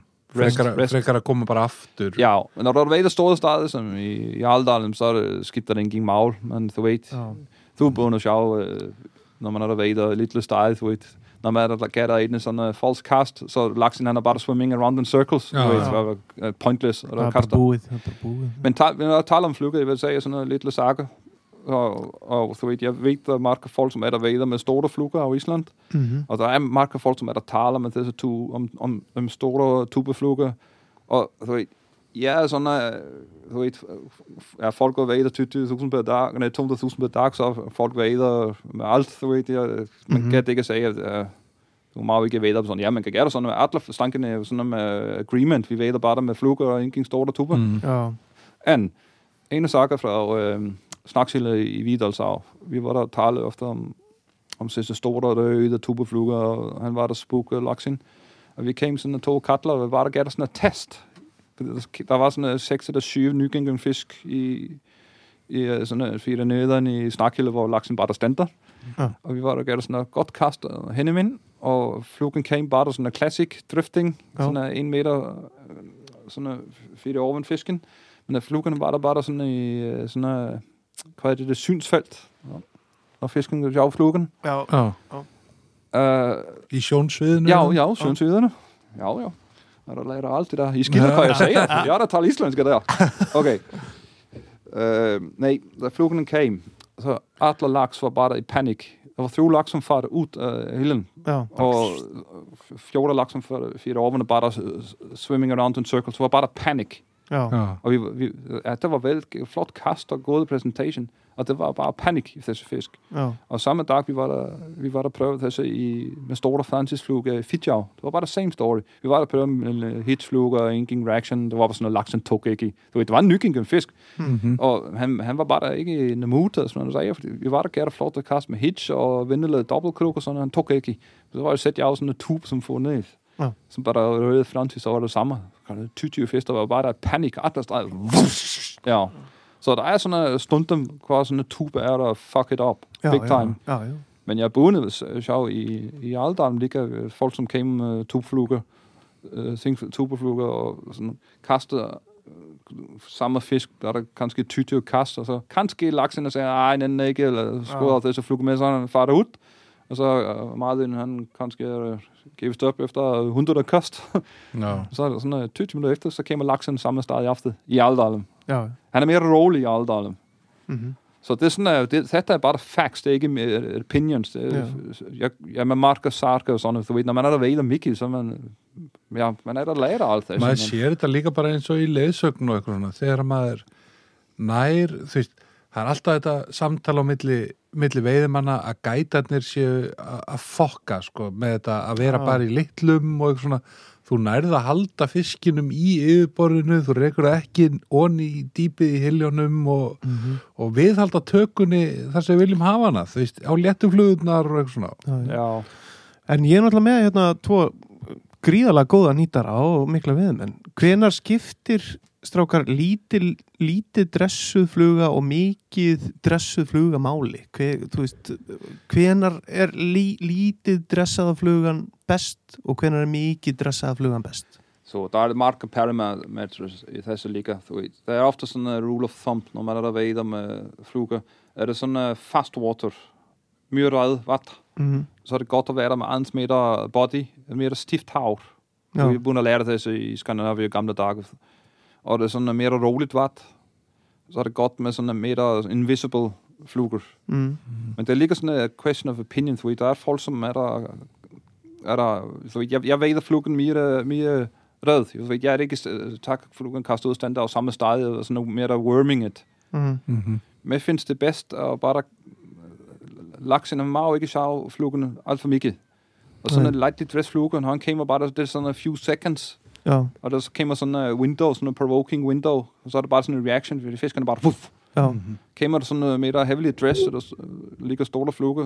Du ved, når der, fisken er der sjov fluger, når han er landet, så var der, kommer bare der sådan en slow motion, så at, ja, så er flot gået en dag. Og, Mhm. Ja, blæsset. já, Schaumst. já, Så jeg vil sige, når der ikke er mycket øh, strøm og, og ligger liten vat, já, så er det godt at være der med sådan en liten, lightly dressed, eller little invisible, og Ja. let. já, já, Men ved, det kan lige være der sådan en gammel vej, der sætter jeg af sunray, já, og Ja, bare ja. der ja. ræd strip, men det er mere der sådan, og ligger, når der er takker sådan en sunray, og bare der hammering i det. Já. Der kommer lige sådan en split seconds. Ég tek oft Já. bara eins og Sunray svo, sem við erum komið með út, hérna, bara úr einhverju búðskilur Mhm. og hérna svona, bara þokkalega Sunray og ég byrja alltaf að taka heimostatinn og ég með svona skæri innstíðum og klippa bara helmingin af já, bara helmingin af hárunum strax já. af þannig að þetta sé ekki sko 12 cm Já, þetta er bara svo einhver mingur Já, að synda já. í hilnum já, Þú veist, þú klippir bara, þú veist, það er ekki að tala um að stytta hana sko, Nei, nei. þú tekur bara við hausinn og bara, já, þú getur gert það bara með klipporum hérna, já, og klipp bara helmingin af hárun af. Já, já, og þá er þetta orðin strax einhvern veginn finnst veiðileg mér allavega þú ert að veiða á Vesturlandi í ykkur svona kannski Að- ekki miklu vatni og annað Mm. orðið miklu meira sexy sko. já, en svo kannski þú ert í fnjóská í þú veist uh, bullandi jökulbráði og eitthvað þá þarftu kannski bara að vera með mingin viltu kannski vera með 12 cm slurið og á og bara þykkan og, og mingin já, já, já, gammel sidste sømmer i lakselve i Norge. Det var sådan en store lakse startet i. Der var der og sådan en mink sunray, som Ja. ja. folk har vader med. Jeg var der og takker baby, det mindste laks af disse store fluge. Já, Já, det, var, okay. sådan, ja, det var sådan en kanskje 15 cm monster mink Ja. ja. med gatehav og alt sammen. já, Sådan en Abari fisk. Ja, og sådan en, han var kanskje sådan en 5 pund fisk, som en liten fisk. Já, Og så var det at prøve lille fluger fra Island, fra- Peter i Nordland, Ja. ja. Stengrimsson, sådan noget. Metallica. mhm, Og, og sådan noget, han var, jeg ved ikke, han var 10. øh, Sådan noget, øh, og så kommer der sådan noget med monsterlaks og 17 kilo og sådan noget lille fluger. Og så et, det, nu er jeg bare, fordi man er der, gør der sådan et joke med, øh, ja, store fluger, store fisk, já, já, lille já. flugen, liten fisk. já Nei, nei, Det er ikke sådan. nei. Og du ved, ja, ligger når vi er i vader i Nordland, du ved, i langt øh, flest store laks, vi er der takker i Aldalen, Mm, i Nessi, er en liter fluger. Ikke liter med, så vidt jeg ved, ikke med 14 fluger i Nei, Nessi. kannski 12, 10 Ja, ja, ja, Ja, ja. Miki 10, sådan. Ja. Ja. Og i Vidal så ligger langt flest store laks, jeg er bundet at takke øh, sådan en liten fluge. Jeg er bundet at prøve tuber ligger, men øh, det virker i Aldalen, men han, ja, han ved det ikke. Nei. Kanskje en kamera og sådan noget. Der er sådan et, når der kaster sådan en sunray, han er, der kommer sådan en waves og splashing, men han takker ikke. mhm, Já, já. mhm, mhm. Men uh, þetta er stóra laks, stóra fluga. Det er gaman að tala svona. já, já, já. Hérna keima stóra flugan. Nú En keima ert kallinn, náttúrulega- Stóra gamla kallinn. En Nils, þú ert náttúrulega eindaklega lungin í því að, að ná þessum stóru ja, þú veist til að veiða stóra laxa þarftur náttúrulega fyrst og fremst að vera í rétt stöðunum og veiða svo bara slatta laxi sko. Þú veist, það kemur einn og einn stórun á milli eða er eitthvað sérstakt sem þú gerir til þess að fá þessu stóru Þú átt ansi marga undir beltinu, eða ekki? Já, mikið, já, já, með, Svona stóra já, já, með svona gold spoon up my ass. Já, já, Ingen spurning om það. Og det er, þú veit, som jeg er búin að segja, þú veit, og, jeg veider ikke bare 100 plus fisk. Nei, nei, Þú nei, veit, Jeg nei, er búin nei. að vera lucky að að setja í marka og landa marka. já stóra 100 plus uh, Ertu með töluna yfir? Ja, jeg var der med tøller nu, fordi jeg siger start, der var en af meget, som var der spørger, så jeg var der gav der sådan en liste. Ah, Så jeg, jeg var der gav der sådan en liste med stadig og, og fluger mm. Og, kvinder, så jeg med alt der, der tager disse. Og ligge øh, witnesses, fordi der er mange folk, som er der taler om uh, alt muligt bullshit her og uh. Aha. stories. Så jeg var, øh, jeg var med, ja, sidste år fik jeg flere, så kanskje jeg med 3500 plus laks af Island nu. 35 Shit. Ja, þetta er 100 plus, det er Ja. 20 pund. Det sådan, Ja, ja, 100, 100 jeg ved ikke, om folk 100. er taler Ja. islandske pund eller Bresku bare det for er 100 plus, så er det já, já. skipter ikke maglerne 20 eller 30 pund fyrir mig. Nei, nei, nei Men jeg burde være der, ligger med, med þjáfisk, med, ja, med fisk øh, 111, 111, 112 ligger á Ísland og þetta er klikkað.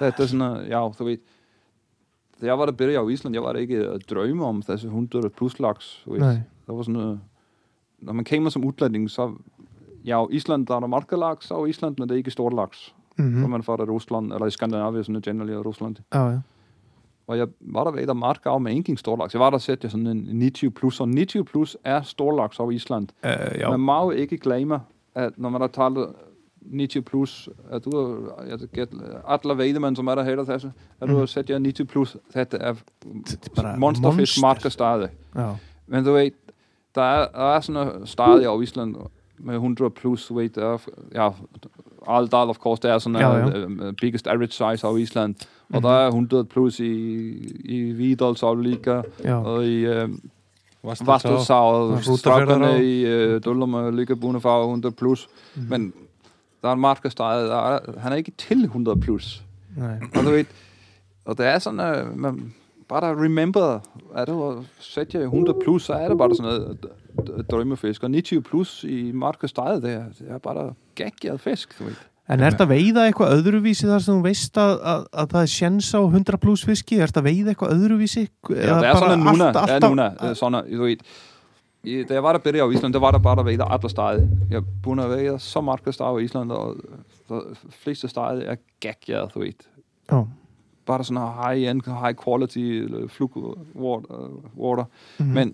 Threatmed finns tillbaka i gamman och, och väger fisk av 65 cm. Så mm. det meter gamman och väger örter av 65. En, ja. Mhm. Han är mer stark och så men der, jeg vægter bare, der startede chance for det sådan 100 plus. Ja. Mm-hmm. Men lika, så jeg kunne vægte de fleste startede over Island, og jeg bare med sådan uh, top 5 fa- favorite startede, jeg kommer af efter af. Ja. Ved, og som jeg burde have nogen, og jeg burde have nogen, så ved, øh, jeg elsker videlser og vastelser og Lakså i Alda og Hofsa og Gæk ligger jeg, jeg har jo jeg har været midfjerder øh, gamle dage, det var sådan noget topstartet Ja. midt, men så ved, jeg, jeg er ikke i sådan en game feed i tytyret, jeg har altid lagspil hver dag midter. Mm. Mens det midter, så jeg lære dem ikke om laks nogen, og så ved, jeg, jeg, jeg er så god at vinde med laksen i Aldalen nu, så er der sådan noget godt så ikke? At med sådan en average med 4 til 5-6 laks per dag, og sådan Ja. ja. at svømme.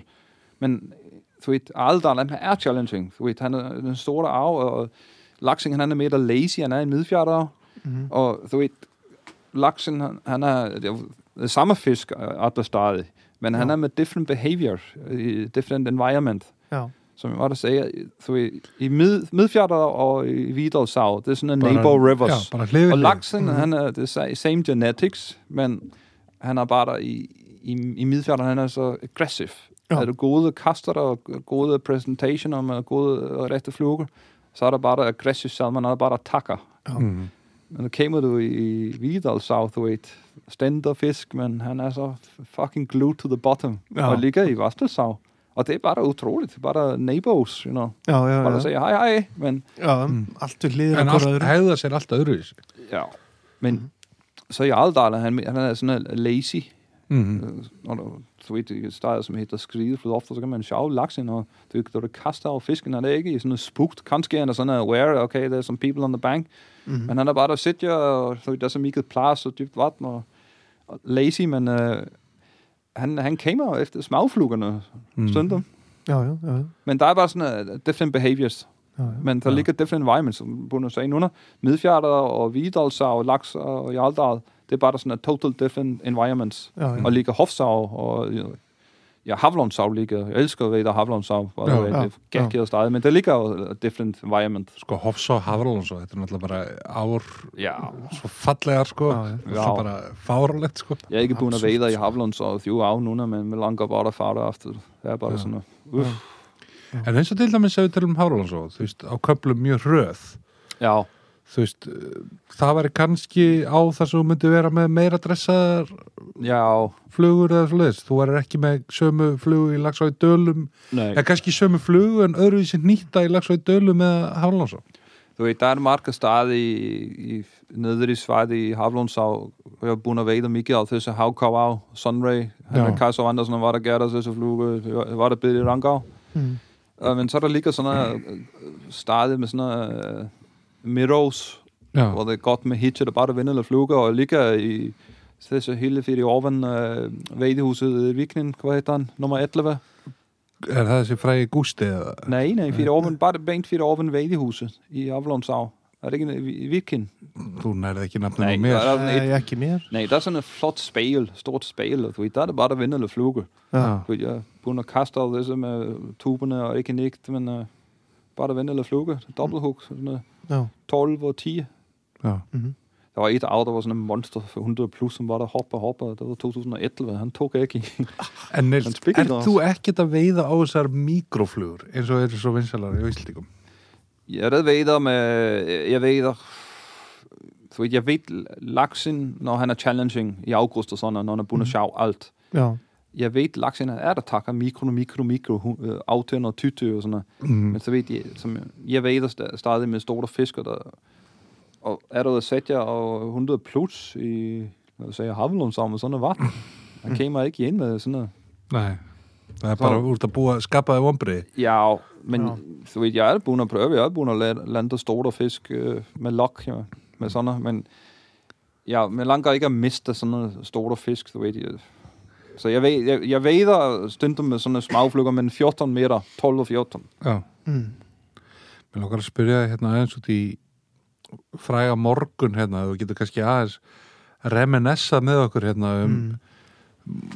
í Víðdalsá, 111, 106 vaktin. Ja, þetta ja, ja, þetta, þetta var ikke jeg. Nej. ja. Þetta var anden bøgning.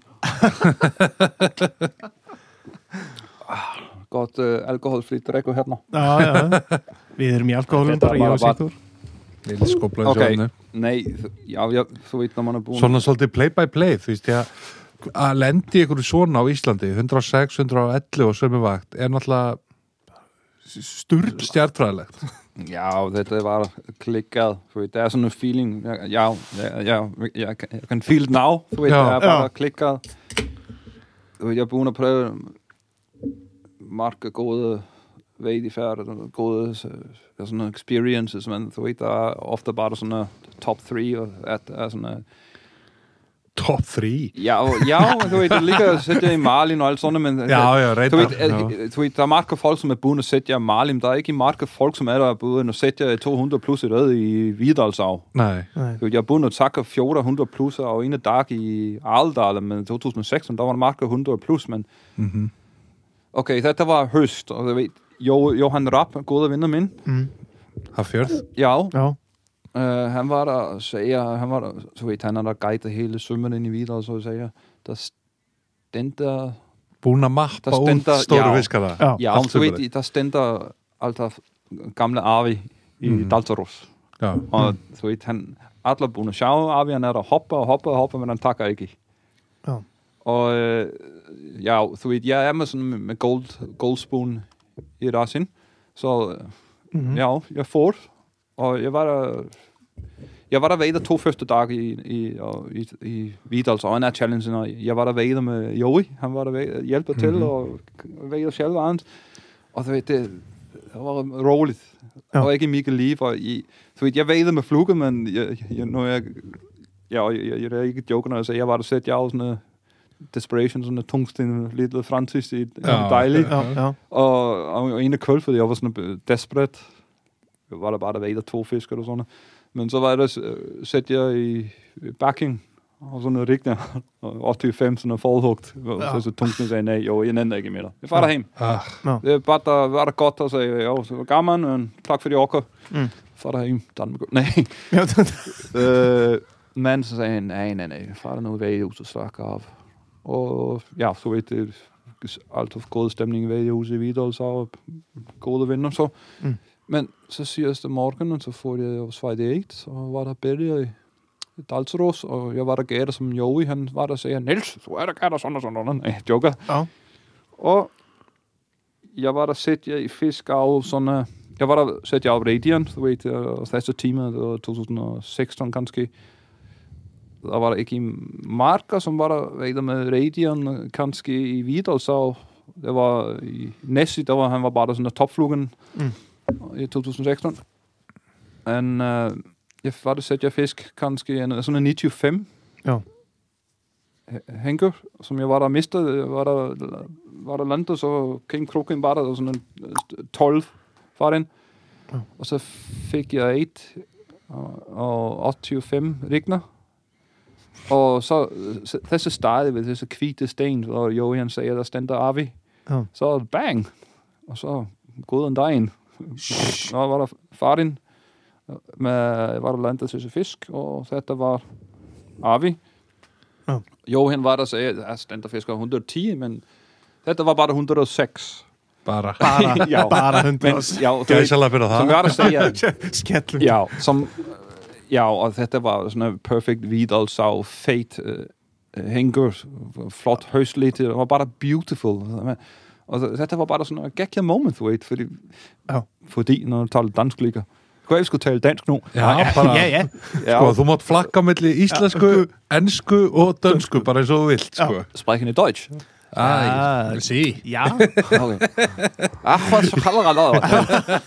Nei, ok, sko, Ná, þessi fisk, uh, þetta var bara svona moment, við er búin, búin að sjá þessi fisk hele sømmerinn, og der er ingen som búin að taka svona store fisk, og så came han bare, og han var, ja, kanskje han ikke var 110, men som mig der sagde, alt 100 plus og islandske store monsterlaks, men 106, det er sådan en monster-monster. Der er Ja, det ikke ja. marker 100 plus, eller 106. 25 pundari bara Ja, der er ikke i marker sådan á Nei. Ísland. margir hefðu bara eftir þennan fisk farið upp í veiðuhús og, og, og, og farið í bjórin eða bara slappað af eða, Já, bara Já. allt yfir, allt yfir 90 og Íslandi er bara trófi já, Þetta ved, er alveg trófi, trófi ja, Er ja, þú- men þú- I ved, i alderen, der er 100 plus, det er sådan aldrig leje, men 105, så er det monster. já, já, Men, já, så, men anyway, 106 i Vidalsá, og lig, ligger sakerne, nu er þessi fisk, som vi burde sjave hele sømmerne, han, han er jo landet nogle flotte fisk, og yes, det var bare gode, gode stemning. já. Uh, já, Underberg og alt sammen, full Já, speed já, Já, já. gammeldansk og allir í stuði Ja, ja, og poledans og så alt sammen. Þú verður farin að tala þýsku þarna á Undirberginum maður. ja, ja, ja. Ég sé bara fyrir mér þarna klán bíómyndina Ja, okay. Tour de Fís Tour de Fís Der vil være en. Øh, ja, en þú varst ekki hættur, þú, Þetta- þú helst áfram Þetta tók en lille turn núna. Nej, okay. Ja, men þetta var bare, ja, geggjad stemning. Men så sagde jeg, okay, ja, det er det sidste vagt. Men jeg, så ved, jeg, jeg elsker hardrøstrinker. Det er favorite stedet mine og Vidalså. Så jeg nænder ikke fra det ved, som man kan prøve hardrøstrinker, så kommer jeg. Og så var det sætte jeg et fisk i, i strømmen øh, øfra i hardrøstrinker. Jeg var der mistet i, men et meter setja á svona eh, mikro mikroradian Já. Øh, den var bara svona øh, ene 15 mm med alt. Ja, og, og sådan tuba. Ja, Já, kom, já, svarte kognhøs ikke glitter. Ja, já, já. den er ikke sådan en glitter. Men men øh, dansk aften Ja. han øhm, et fisk tog sig til flukke i samme sted sådan en strøm. Og bare får øh, sådan en heavy duty ned, ned i, ved øh, skiltet i fyrir nedan uh, harðaðstrengur. Jeg har ikke bundet sjave fisk, men han var bare heavy, heavy, heavy. Jeg var bare sige, okay, þetta er stort fisk. þetta er alvöru Þetta er alvöru, men uh, þú veit, ég var búin að segja, uh, landið 106, þú veit, så já, skipte ingen máli om jeg mester þessu. Det var að lappa út, fordi han came ikke, ikke upp, så vi får fået det ud i arven, så came þessi fisk. Okay, þetta er rigna. Det er he- helvetes rigna. Og man má jo ikke sige helvedes og sådan noget. Djúvlens. Nå, okay. Helt Øh, ja, þetta var helvetes. Men, okay, men er, når man er der sjá sådan store Rigna og Island, du ved, Rigna og Island er ikke i 100 plus, så jeg på sige, okay, kanskje det er 95, vi ved, vi er med, med sådan en 95 fisk i Vidalshav, and eventually så came þessi fisk i, i Hoven, hvad hedder det? já, hávinn Havvin, Hoven og svensk. Mhm. Øh, og så bare løftede þessi net, og han var bare, þetta var alvöru. Jeg har ald- jeg har aldrig bundet at løfte sådan en things fisk. Og så ved, som tager målbandet fra, ikke i antal, men i, inde i havlen, Mhm. og så højsen, og så stod der 111. Så ved, når man der sjov sådan en Rigner, han synes ikke så stort som uh, Nej. Hengur. Mhm. Du ved, Hengur, han er mere sådan en... Hausin líka á Já. hængnum lengist Já, svo já, þegar já. kemur á haustið sko Der er sådan en visual difference, altså, med at sige, 111, nej, nej, Nej, nej, nej. nej, Þetta, han synes det ikke så stort. Og, og like Rigna og Island, der er ikke sådan. Og dette er ikke hvid, dette er ikke Alland, dette er Hvidalshav. Mhm. Men øh, var der Magle Afte, og så Joey ligger, og så Joey, som, som han er bare the father of this river, og det Mm. var Ja. moment alt sammen. Og, men vi var der Magle til fisk, og bare 111, så var der look at each other, what the fuck happened here? Og så Rigna. Og så dette, øh, det er kanskje det mest klikkede catch of the century af Island. Já, Já. eiginlega. 106 Henke og 109 Rigna i röð.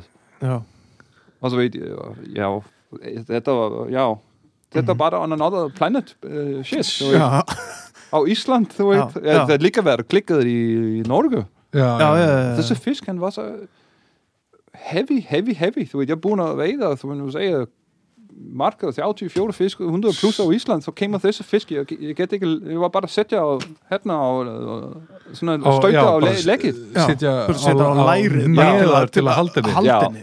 Ég er búin að sjá marga fólk hérna á Ísland og svona trend með að taka fiskin og strekja afna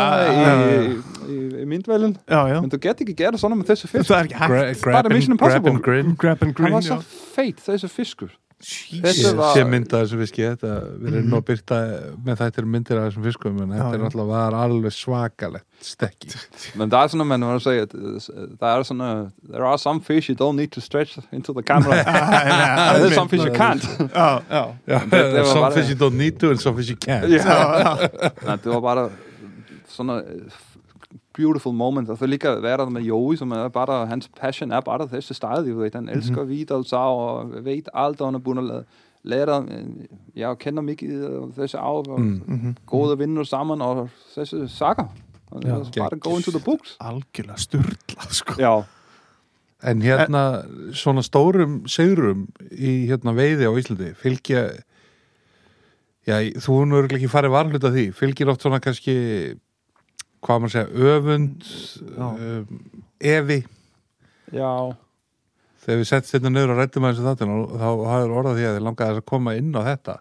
Já, já, endileg Það er, það er, annar, þetta er, er þetta bland af öfund og einhverju vantrú eða er þetta út að þú ert útlendingur eða Sko- hvað, hvað er þetta? Þetta er mjög interesting og eh, gott- mér finnst det godt að tala om þessi mm. subject er sådan mere serious side of things. Ja. Så vet, Mhm. vet jeg først og fremmest at, at være glad Já, já, já. og slacke af og lika challenge your natural instincts mm Mhm. against nature Já, og være med venner og kanskje Underberg. uh, já. Ja, vi mener, han var glad med Underberg. Lige. Anyway, jeg var der byrja á Ísland, þú veit. Jeg, jeg var der, þú veit, og jeg var bare nobody, og jeg var humble. Mm. Jeg, Ja. jeg, det var, da jeg var der byrja að gæta, En samt jeg var der náttúrulega ikke, búin jeg, að veiða jeg came út um ikke og allan heim. sagde, hey, I know everything about this, you have to listen to me. Jeg var der lyst der, og Mhm. jeg, der came, jeg var gode venner med marka folk, og ingen timer hérna. Men jeg var der og veiða marka laks, og folk øh, var der spilja og sådan og sådan, og ekki mála. Men s- jeg var der flytja hérna i 2007 eller 2008. Mhm. Uh, jeg, came, øh, jeg, var, jeg var kreppa. Já. Nils er kreppa. Nils kom með krepp Já, það- hún það- komst þú með komst kreppuna. það. Þú komst með þetta. My gift to you, my friends. Thank you, thank you. uh, ja, jeg ved, så, så, er der ikke, så er der ikke mange folk, som er der ved, så jeg var der med alle stederne selv. Nej. Men så ved, jeg var der med þessi liv, som Arne sagde, jeg var der vinde, vinde og, fra september og til begyndelsen af maj, og så var der vejder hele sommeren. Og så ved, ja, jeg var jeg, jeg er med sådan, som jeg burde sige, det så goldspoon, og så, folk øh, var der kigger i vejdebukken, og jeg vejder ofte mest, og så heil, store heil ligger. blaðsíða bara með Níls Ja, så begynder folk at, og, og, og me- media, den Icelandic media, Mhm. og sådan show interest, og jeg var der skrive ans. Så jeg, jeg, må også sige, for jeg begynder at skrive mycket for det ud, udlandske vejdige press i, i Markau. Markau Mhm. om alt muligt vejdige, flycasting, mm. uh, tekniks, uh, alt. Og om jeg begynder at sælge vejdige, bonefishing, tarpon, ligger alt muligt i Markau, men Mhm. så da jeg kom her, der var bare nobody, men det kom, der var der flyttet her, og Já, og du vet, og alle disse store fisk, folk var der talte, det var gammel uh, at billede med, men de sidste fem, seks år, der det came, der came sådan en big downside, og der er en stundum, så jeg bare hugsa og bare pakker greiene og, og, og ekki meira veiða á Ísland. Það- Ég, Þú er hugsað það, hætta já, bara ég að skal á segja, Íslandi þú veit, já, já, síðast á líka og f- þú veit, ég veit að folk som var at sige, var der lyver om, om fisk, Mm. Uh, så det store laks, it's not, uh, it's not possible, og bla bla bla, he's always fishing alone, og yada yada. Mhm. Og ja, øh, så- sådan i- i biden, der var der bare whatever, du ved. Ja, når- det er samme. for- Der er sådan et, øh, ja, der, er- there's always some bad shit, uh, there- no matter what. Der er altid sådan nogle kattler, som bare er uh, sitting and waiting to shoot Mhm. negative people og sådan noget. Já. And uh, der came sådan mere serious uh, sh- shit, du ved, i 2016. Jeg var i, i, i Aldalen. Uh, og så, I ved, vi var, der var så meget fisk i 2016. Já, já. Og jeg, var, jeg kom i juli, og jeg var der sæt, jeg, ikke sæt, jeg var der landet 90 om fisk. Og bare der ene stort, det var ene stort, det var 100 plus. Og 90 om fisk, det er sådan en kanskje rekord i marka af. Já. Men ingen var der taler, det er sådan uh, another thing. Der er smagfisk, og så er der ingen der lyster. Men så kom jeg i høsten, i luk august, begyndende september, og jeg var der landet 27 fisk. Og jeg var der ene dag med 14 fisk, øh, 100 plus, og største var 108. Og så, øh, det, det, ja, men så var folk at tale. Já. Og der kom øh, ja, sådan en story, som var sådan en, øh, too much. Mhm. Mhm. Og sådan uh, det var sådan, det var pain, det var painful. Þú jeg- tekið kannski- þetta inn á Já, det, det, det, det, et, et, ja, nu skal jeg sige, og, og engelsk, this eller dansk. Já, bara gera það This this went too far for me. It went Mhm. too deep in.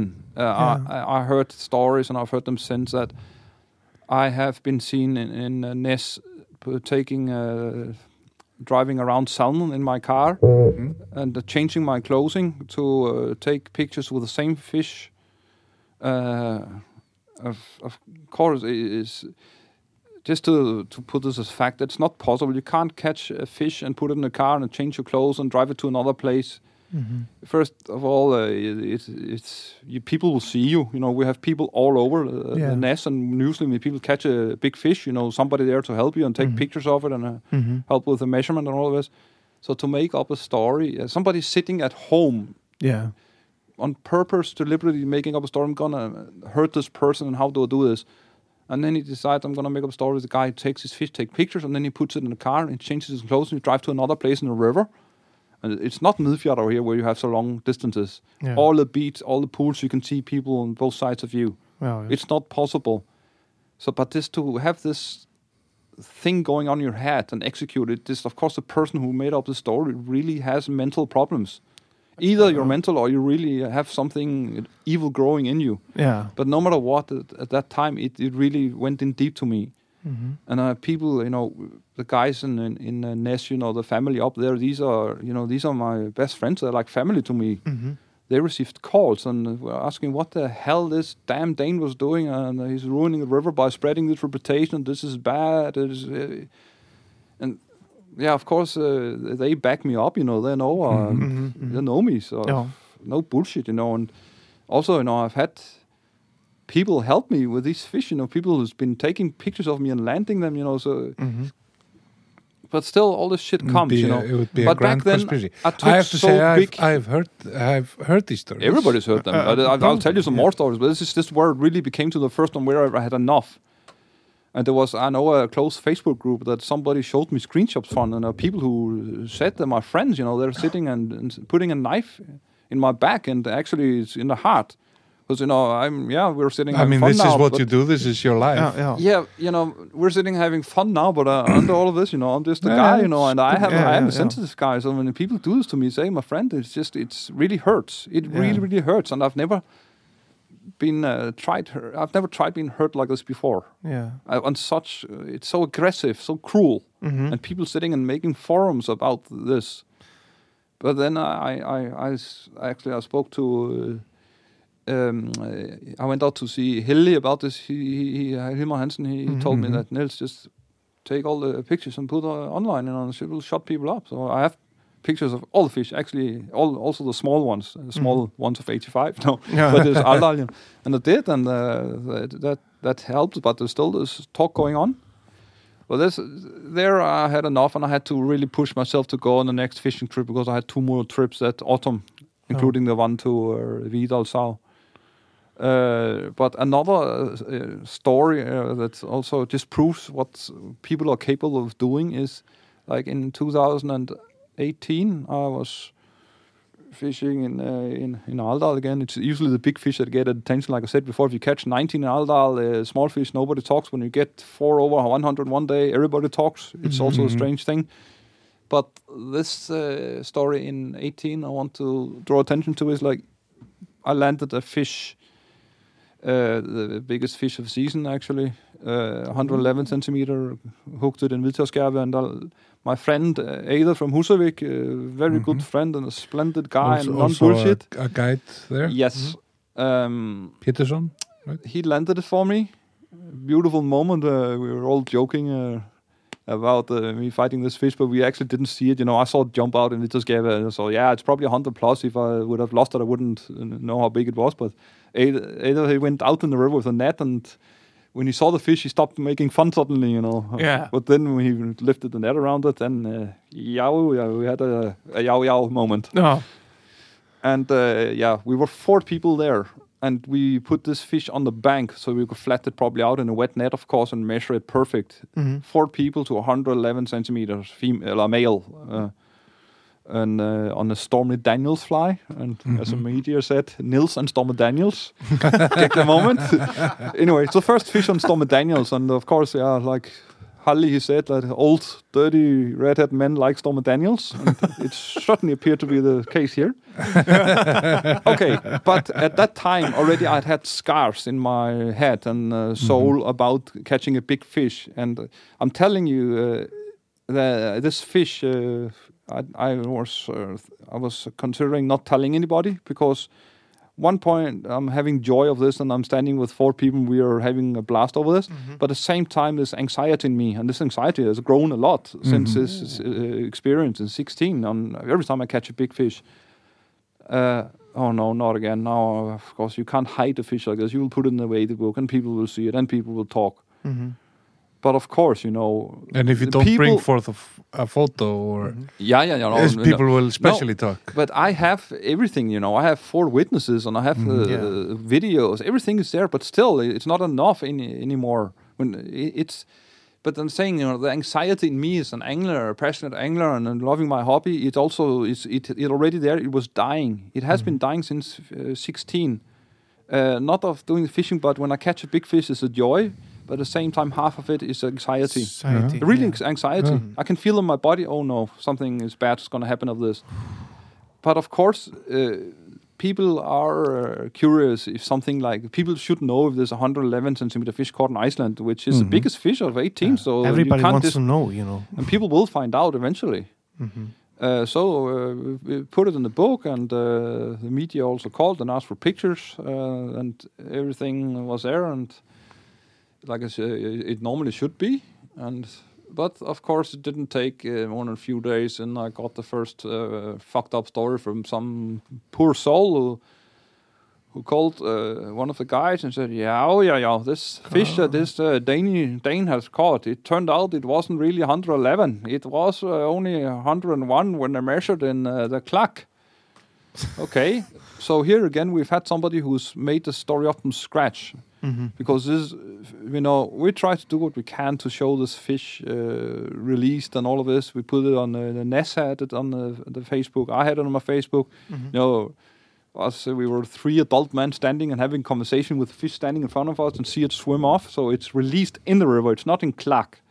And we are four people there measuring it. So there's not so much to discuss. But anyway, some uh, guy I don't know. I'm, I'm of course I'm, I'm a bit angry and sad also. So sometimes I want to call him a lunatic or an asshole or Yeah. an evil person. But I pro- rather say a guy who's got really serious problems with himself. A little Napoleon. He set up uh, he set up a story det- determined to ruin another person. This is what what it comes down to here, and it does hurt. And countless times. Know, last year, uh, just two very short stories about this, and I'll Yeah. spare you from all this negative shit. time. But it's something that you should people should evaluate uh, evaluate out there how you're speaking about each other. Uh, uh, it just shows that uh, no matter how mu- much witness, how many witnesses I have, and how I do it, it's not enough. So last year again, I had one of the best fishing experiences in Iceland by going up in the upper canyon in Vidalsá uh, in low water conditions where we don't go normally because it's dangerous to walk there. You know, we can't take clients, many clients there. Uh, I, I haven't got all the way up, so it was new for me. And I spotted a fish, and I, I caught him. He was a 101, 102 uh, silver fish, uh, and I fell in the water, and everything. Everything was there like an adventure. Uh, It, it, it was just, it was one of the best fishing experiences because you know most Icelandic salmon rivers, you park a car by a sign, you cast, and you know approximately Yeah. fish are. There, I waded up and had to go into the river to get up there. Yeah. And when you finally hook this fish, you know, uh, he swims down in a small canyon or something. You have to try to get down in the water because I'm casting from a high cliff on a vertical wall. This is in Kolkugljúfur or Yeah, oh, yeah, yeah, yeah. Mm. But It's just you know, I fell in. Uh, you know, all of it was there to create a good story, and I got this Amazing beautiful fish. fish. You know, silver, fat, beautiful fish on an autumn hooker flyer. um, but anyway, I, I enjoyed it, and uh, I came back soaked. You know, my lopa pace uh, weighing Yeah. ten kilos to Joey, dripping in the videos, and, and I, I, of course, I, again. The joy was there, but uh, driving home, the anxiety was there also for the same reasons. Of course, this, this is what the, the media would like to hear now because all the rivers last year, you know, in July, nothing Mhm. going on. Everybody was catching nothing. It was just Uh-huh. depressing for the whole salmon and the people here. in Viet also want to say you know we, Yeah, of we have something We positive to 100 talk But of course, but the whole media just to put up a good story in the middle of all of this, and uh, Mm-hmm. okay, then it's me, and I, yeah, uh, the anxiety was there, so I went into the Vede, who's wetting the floors, and like the soldier returning from war, Mhm. and I said, "Yo, come here, I need to talk to you private," and I uh, told him the story, uh, and uh, I said, "But I don't want to publish the story." And Yo, he knows me very well. You know, he's one of uh, you know one of the guys who knows me the best here. And Mm. Taught me a lot about how this community works. You know, He, uh, yeah, he's one of my best friends ever in my life. But uh, he respected this, but he also, ta- like he has for years, told me that I shouldn't let a few Mhm. sad uh, haters gonna hate uh, ruin uh, my joy and uh, Yeah. other people's joy because this is also something that uh, other people or inspire other people and it's it what makes things go round uh, but still I decided to hold back and uh, think about it because it's just it, it, it really uh, hurts yeah I believe you. Um, but after th- three days I decided to uh, we had Eckert Skulason coming visiting us and I, I told him and bang it went online Yeah. it was a, story and yeah of course it was it needs to come out but uh, still I have my my something is going on in my body that's not pleasant Mhm. and the same happened in the same river. In uh, September, I got a big fat 104 on an autumn hooker I get there's a theme there in Silugabaki, Yeah. actually on a tube. Uh, Ah, okay but uh, the anxiety feeling was even worse there Mm. because, of course, the more you catch of the big ones, the, the, more people are you, you slaughter. And I actually, I've, I've caught quite a few hundred plus, which I've never published because of this. Mm.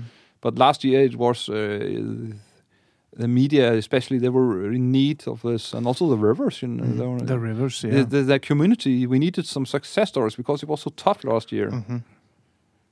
So also after some days, I you know I said it's going to be the last fish of my season. Said, what the fuck, you know. Mhm. But I can tell you, okay, I said it was going to be the last story, but I have to say one one more story of Yeah, the negative ones. Maybe a few more coming in the tail because they can come up to my head. I've had many. Yeah, yeah. Uh, it was, um, I think, well, there's also uh, been been a lot there. But I came up to uh, another river in July also, where I was confronted with uh, stories also that I'm I'm fishing. People saying I'm fishing with big tubes and I'm ruining it. You know, it, it, yeah. Again, where does this come from? You know, ask people who's fishing with me. Uh, yeah, I mean, it's- the, the stories came that I, again, this I, it's not possible to catch 27 fish, you know, uh, blah blah blah, you know, and you've been seeing driving around with the fish in the river, and it was it came a lot this evening, and, and that same evening was the same evening was going to start on the river. I I I I just I actually went in and packed my gear, Hmm.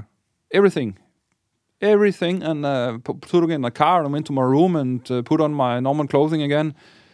Uh, I have to say I was I was almost crying.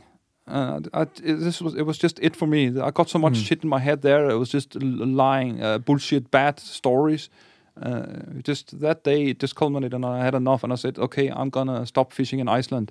I I fish so much abroad where I never have to listen to shit. You don't have this backstabbing, just cruelty, insanity going on. I'm happy when I go fishing abroad.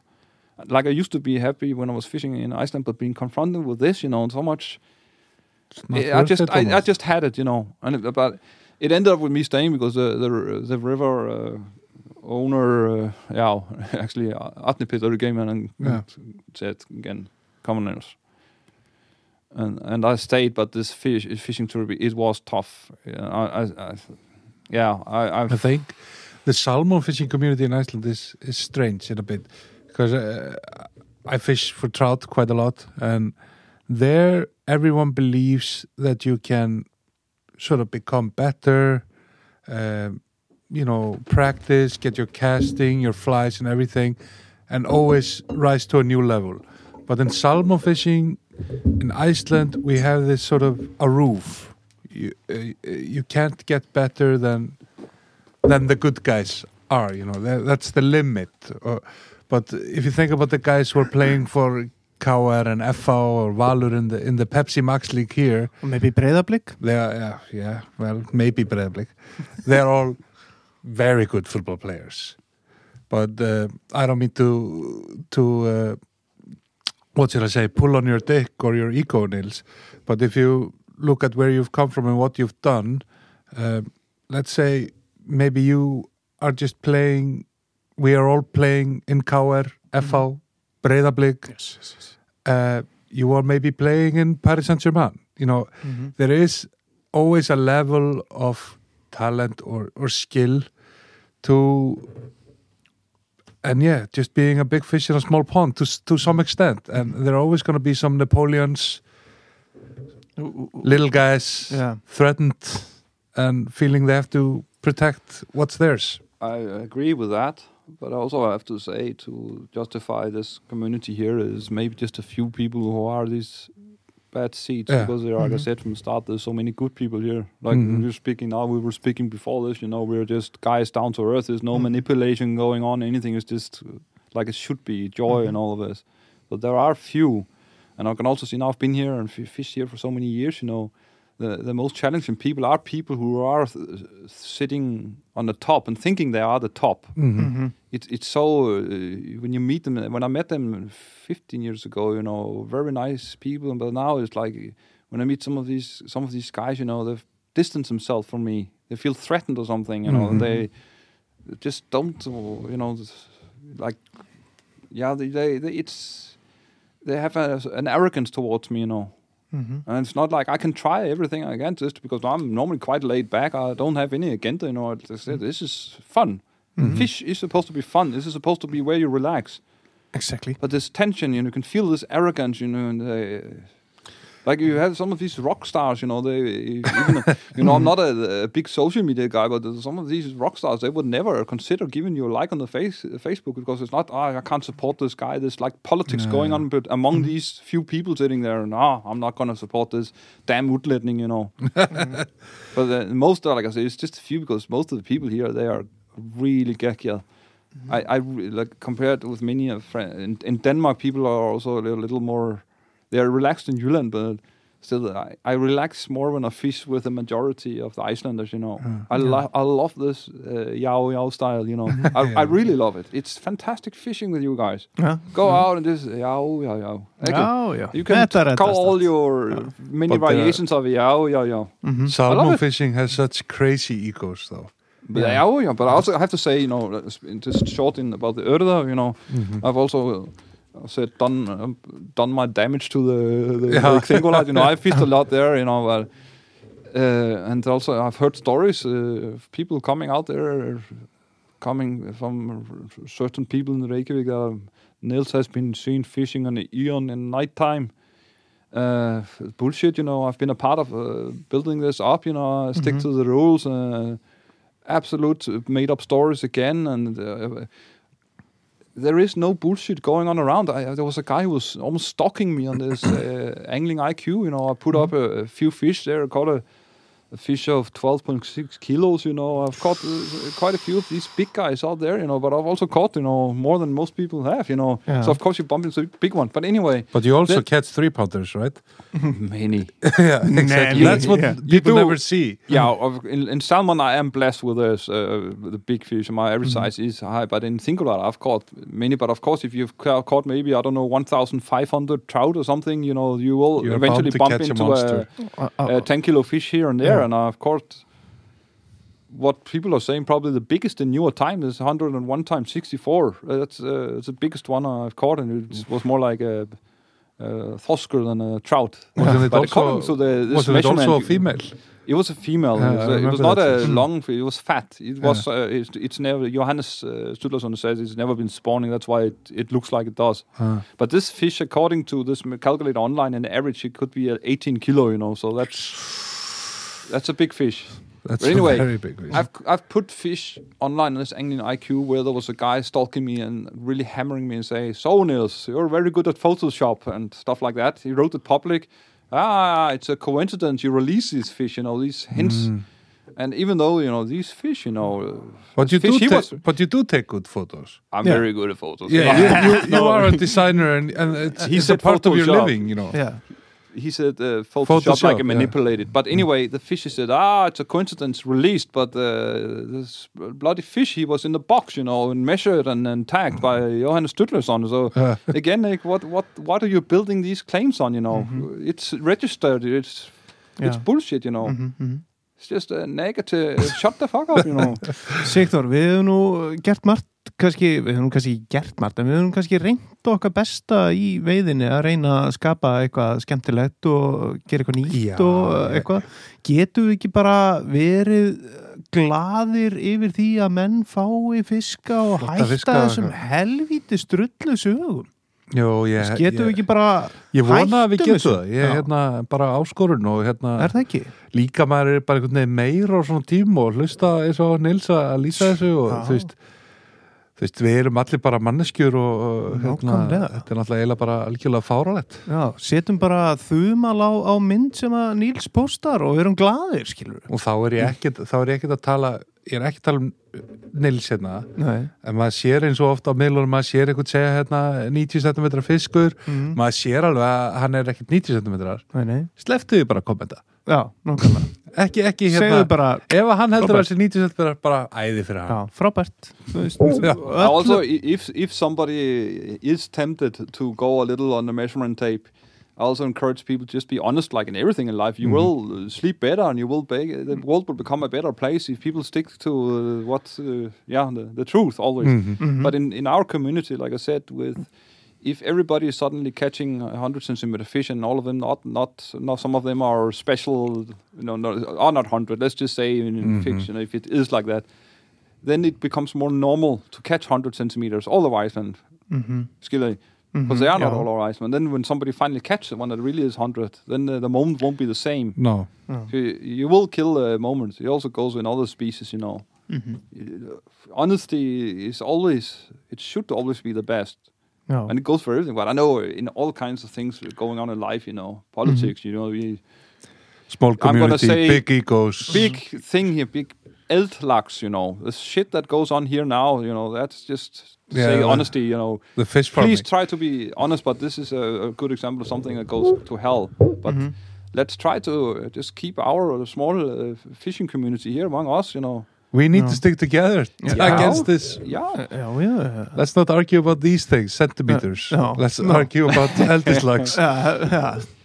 Let's argue about the big things, not the small things. but Nils if we switch back to the positive side Yeah. Is Two- there any? No. yeah, okay. We were we were smiling before uh, we started this, Yeah. so we should get there again. Yeah. But we were talking about uh, Underberg and pole dancing when we were smiling. There is a new season upon us uh, in a few days 2020. Yeah. What's your plan? Where are you gonna fish? Well, I have been fishing sometimes this year already, so I'm not that horny for fishing. I've Okay. been catching Okay. a few uh, silver kings, Mm. Ah, and I was supposed to be doing that also two weekends ago, but then something somebody's talking about some virus going around. yeah. Mm. I don't know what it is, but Mhm. it suddenly cancelled my uh, my little tour. Now uh, it's cancelled some. You know, my winter season. I go five times saltwater fishing, so I've got Mhm. some f- f- cancelled trips. But I have gone two times this year, so I'm not that fishing excited now. So, Okay. Okay. uh, but I would I would love to go fishing uh, with uh, with Valli and Oli and uh, Husekvist if they Mhm. want me along because I've had s- probably my best uh, April fishing with them Yeah. it's not because when I went fishing with them, it was not many fishing hours per day. It was just a few hours, but we sat in a Vadihus, and like I said earlier, we were Yeah. listening to old music and reading newspapers and coffee and just yow yowing it and looking Yeah. out this beautiful view. And it was frost and snow there. Because also Yeah. in in because of course even though I've grown, you know, I'm half Icelandic now, and I, f- I mm-hmm. feel most of what your guys are doing. I got the the, the ha in me now. Mhm. Ekki? Já. Okay. Ah, ja, ja. Jæja. Það er bara svona. Ah. And um, but uh, re- in the rest of the world, we don't fish in uh, for fish on the way to the sea. So uh, the fishing for me is not that interesting. Of course, you can get lucky to get one of what we in Denmark call eight elevator fish because sea trout compared to the salmon, they they go uh, up and down the river just for Especially on the Yeah. no- in the north, like Husegvis Yeah. and those places. But by far, most of the fish are uh, nødgænge fish. They've Kelts. been spawning our kelts. Mhm. So, uh, yeah, for me, it, that part of the season it is just for hanging out, Mm. just absolutely social and sitting and looking out that good view over the valley and uh, Husekvist. And also sometimes you know it's fun. Uh, Varmau fishing in the upper part of Varmau with uh, five weight rod and small nymphs and upstreaming uh, technical fishing. Mhm. It's very nice. And in the old days when there were not that many rods on Varmau, you know, Mhm. then the f- one rod would go down on Stødverhill and cast an upper, and then you had the whole upper river for yourself. Yeah, yeah, Mhm. yeah. Geggjað. Ah. Uh, yeah, it's also a fun river if you go uh, in August and September fishing with sea trout. That's a different story. Mhm. But I, I hope to that uh, Valli or Oli will have me on board. okay. Uh, it's a social event, but otherwise, Going to um, I Nes. guess my? Bahamas trip is also gone to dust in in May. But otherwise, uh, my fishing starts in in May on Ian, as it does every year. Mhm. I have my six days there, and I have friends coming from the US and Scotland, and uh, Well, you had you had friends coming from US and Scotland. yeah, yeah. I, I I hope it the flights will be running at that time again, but But no matter what, then uh, we're gonna have a big Icelandic barbecue there and have some sheep heads and uh, skata instead. Skatta. Yeah, we'll find a way. skata, if you put skata in your head, uh, I'll show you this corona won't survive that. That's the best fight against this virus. Yeah. No, but it is Eon. Uh, it's it's Iceland is is it's like uh, you it's in a schema for me because you fish this trout in the spring, and of course uh, Eon is insane best. good Yeah. fishing there. I Mhm. used to fish a lot in other places. In uh, used to fish a lot in uh, in the old days and all this, but now because I've also I've had a very heavy uh, busy career with being a global manager, also so more limited in May. It's like a crossover where my my season and work goes slowly into Vadi. So they have six days on Eon, Mhm. Where if you have the best trout fishing in the world. That's a Mhm. good start. And then I used to fish a lot up in uh, uh, in the north. I Ah, love this beautiful also. place. But it's in June June fishing.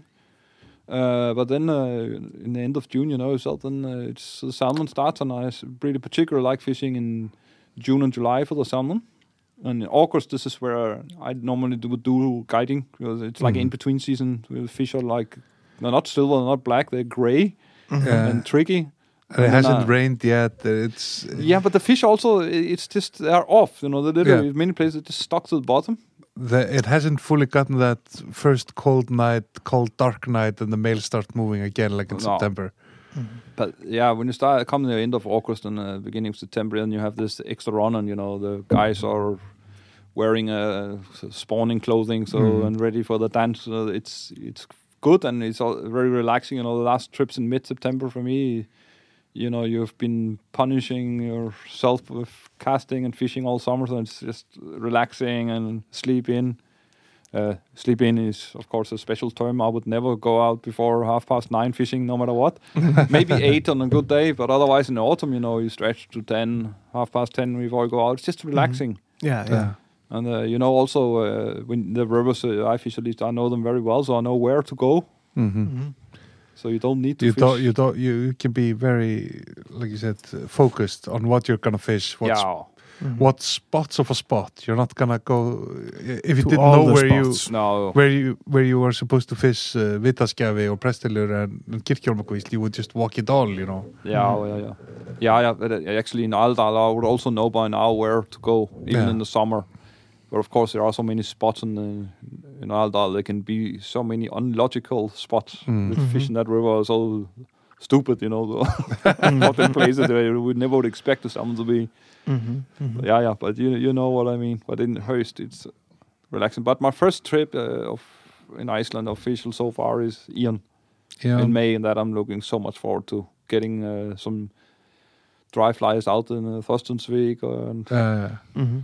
It's a little like fishing in the bonefish on Tarpon and Thorstensvik on a good day when you have two or three schools swimming around and you have to walk around on the beach and be ahead of them, not cast into them, and all of it. It's a little Yeah. technical, Mhm. but uh, you spook them off. It's difficult to get them back. You know, it's not Mhm. as easy as you think always. You I think a lot of people have experienced, you know, overcasting to one of these and just seeing yeah, that. just the shadow of them Yeah. line. Yeah. You know. When they come into June, you know, uh, this- when you spook them off, they don't come back. Yeah. Yeah. That's why I no. That's why I don't go there now. I only catch, I only catch it when they're dumb enough from an idiot like me to Dumb catch them. hungry. yeah. Actually, the fish are very easy to catch in uh, when the wind is heavy, northern wind. In the old days, I would say, "Fuck it, I would never go." But they'll go in, uh, in the ocean, ocean on the Yeah. side of the in, when the big waves are hammering in. You know, I was Mhm. fishing with my Always Danish friend watch there like three y- Mm. years ago. Uh, and uh, I tried to cast this out. I actually put on this outbound line, which is a heavy duty Mhm. line, just to get it five meters out Yeah. and I could with luck get it five meters out, but I struggled so much there. My temper hit me, and I said, "Fuck this! I'm going in." My friend Casper he kept on going, and he caught a fish, and he caught another one. I said, "Okay." And he said, "Nils, come on, give it a go. Have some balls for fuck's sake." Mm. And I did, and uh, caught fish uh, right away. So there, the fish was swimming in front of our feet, and just put on a big olive ghost, you know, and just Yeah. hammer it all the time. Mhm. And uh, the golden uh, big fish spoon uh, story there, standing right beside each other. Casper, my friend, he sees a big fish in the waves. He casts to it, doesn't take, and then asks, "Can I take a cast?" And I said, "Yes." cast. Uh, I had actually just on the rod tip, and it took, you know, bang. It's a twenty-two pound trout, you know. It's just- yeah. Uh, Just the spoon, the right spoon up was there. all the way up there. Nice. Oh, it's uh, it can be so challenging sometimes, but sometimes it can be so damn So easy. easy, also. yeah. Mhm. There's a beauty of it. But Mhm. like, also, it came. You came in on it uh, techniques before. Uh, in in fly fishing, there is never a day where you are the, on the top. You know everything. Never. It always will evolve. And you, I've had times where I've thought, you know, I, yeah, like I said, it's a salmon I can catch it. But then suddenly you get a cold bucket of water on your head. Just fuck, what now? Now what? You know, Mhm. Mhm.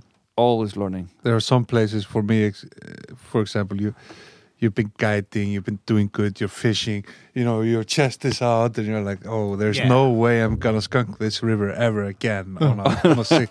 and then it just pulls you down for a full oh, day and just skunks you so hard Yeah. just to make you know, make you know you know you're you're, you're only a mortal man you know it's great, you know. It's great. But that's what- beaten up, yeah. and you know, it also teaches you to be uh, Humble. humble. you know, Humble. Yeah. Which is uh, important in many aspects of our lives. yeah. Mhm. Mhm. Maybe this crap up we're going through now with the virus is also a little teaching. yeah Yeah, we we are not probably. in control Yeah. w- yeah. something microscopic can just pop up from nature and just Yeah. put us all on a halt. Can't Yeah. even see this this villain, No, exactly. just Mhm. like the salmon. Mhm. He's even he makes us more sick in the head, you know. Yeah. but you, But- we asked you, Nils. We we have come to this point in the episode. Uh, Where you gonna ask me to get the hell out of here? No. no, where Throw me we out. we asked you about uh, a song that you associate with uh, with fishing. You talked a little bit about Seguros, you know, driving in nature, talking about Seguros. Yeah, Listening it's to a meditation Seguros. for me. It has been. You know, it's also one of the things that actually draw my attention to this country, Seguros. Oh, You really? know, I'm a creative by Nice. nature. You know, I always think uh, creative. This is what also many of the companies I work for they buy me even creative ideas or management to this, but also I. I feel it. I, I feel sounds, and also I see things. Uh, I'm, So have you- I'm have- good to communicate. But this Seguros, you know, they they did. It went in. Uh, Yeah. driving around here, and I, I've gone to some concert also, and it's uh, some of a few concerts where I've been standing and actually just mm, shut down. You know, Yeah, yeah, yeah. It's, it shut off my brain Mhm. Yeah. It's it sounds and the fact that this uh, guy who's looking like a stick and bone, you know, but you know, this it's he's not singing anything. It's just words, so you don't even have to focus on, on Mhm. lyrics. Mhm. I mean, all their lyrics are in Icelandic and they're a global sensation, you know, it's just, Mhm. It sound, you know, uh, music for me. Uh, many of the things I listen to, I don't listen to the lyrics. I just feel it. You know, you can feel there's so much passion in Yeah. and much music that's made now is it's uh, designed music by uh, advertising people or whatever, and you hire somebody Mhm. in to to be the the face of it. Mhm. But guys like them, and there's many others here in Iceland and around the world who just are still doing it the, the artistic way, uh, passionate way. And But it's- these are just make they're so original. They make their own th- sound. Mhm. And driving through midnight out, just going from Reykjavik to the Ian over the mountains there, you know, and Yeah. seeing the fog lying there. It's always It's like when you amazing. Yeah, when you're listening to Seguros and driving around, it's always like you're in a amazing music video. yeah. but, But speaking this, of one of the songs I made, you know, on uh, on the ba- band, the, I don't remember the, the record. It's the, it's the one uh, the record they made around the uh, Vanilla Sky, the Tom Cruise. Mm. Uh, Yeah, yeah, the, yeah. the briquettes or yeah, yeah, the the pop song yeah, where everything starts calm, but then uh, in the concert everything actually blows up. yeah, And uh, one of the concerts, uh, the last one I saw in the end, it actually did blow up. You know, they had feathers blow out over the whole. yeah, yeah. It, it's fucked up, and, uh, but it's it's hardcore. But they can make sounds that nobody else did back then. So Mhm. several several bands have gone that way also. Mhm. But fishing wise, I have to say, a lot of it is good. But uh, there is a guy that uh, song Yeah, that follows yeah, me yeah. around, Mhm. Mhm. and that is Mr. Cash, man Mr. in Johnny black. The man in black. Yeah, I walk the line. I walk the it's line. just uh, it's so simple and honest, and it's just it's like a, um, a, Dum, like dum, an dum, uh, dum, engine running. It's just a dum, click, click, click. You just Mhm. walk the line solid, and yeah, it's it's just yeah, yeah, yeah, oh yeah. yeah. It's a great song. great to, song to from a great man. great man. Yeah. Now he is a great I, man. I have a moment in my life where I, where I, you know, you know, you remember where you were on 9/11 Mhm. and all these things. I remember where I was when I heard Johnny Cash had died. Where- do you? yes, I was in Hetla. and I was uh, in handball training camp in Hetla, and I went to the store to buy something, and there's a newspaper on the register, and it said Johnny Cash dead. Yeah. Whoa. I don't remember where I was. No, but, neither uh, I. I, I would not have passed so many uh, classes in school if I wouldn't have been listening to Johnny, Johnny Cash. Cash. nice. So I have a Johnny Cash uh, reel on the way. One of these uh, oh, the one of these. Able reels. Yeah, yeah, I they're spoke beautiful. to the to uh, one of the guys at Able, and know, I need one of these. I took an old, uh, the first uh, G Loomis GLX rods, the two Mm. piece, which Mm. is a rod that was 20 years ahead of its time. hmm I put like black wrapping on the handle now because the cork was getting a bit old, and it has a black carbon reel seat, Yeah. and then it's gonna be a black Johnny Cash reel on Ooh. Man in Black, black rod, you know. You're, Everything you're, black. you're, you're all in for this song. yeah. It's very important your gear is looking good for the fish. Yeah. Yeah, yeah. oh fuck! Now I'm telling the secrets.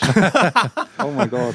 But So Nils, maybe- I'm sure uh, Hafstedt mixed Johnny. Yeah, I think he's yeah, yeah. Yeah, that's him. That's That's, him. him. Yeah. Thank you for making the time. Eða bara við skiptum áttur á íslensku. það Bara takk fyrir að koma. Takk fyrir að gefa Takk fyrir að tíma. tíma. Fara út úr húsi á koronatímum. Og... This is Hit okkur. absolutely my honor, and uh, thanks for uh, yeah wanting to listen to me. I'm really honored that you uh, guys, you know, uh, I'm very a lot of respect for what you're doing here in the Icelandic það. community, and yeah, that you take in uh, a helvetes utlænding like me. and hope that there are some good stories in there, some not so good. Uh, I, I think it's all I good, think I think it's all good. I think we've we've boiled it down Já, to like a sweet hérna concoction. Við erum að detta á 120 mínútur Já, hérna, þetta er alvöru þáttur en það er þetta alvöru veiðmaður og, 120 minutter med Ja, bare ja. drask.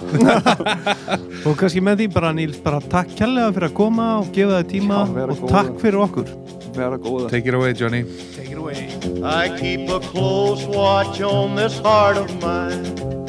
I keep my eyes wide open all the time. I keep the ends out for the tie that binds. Because you're mine, I walk the line.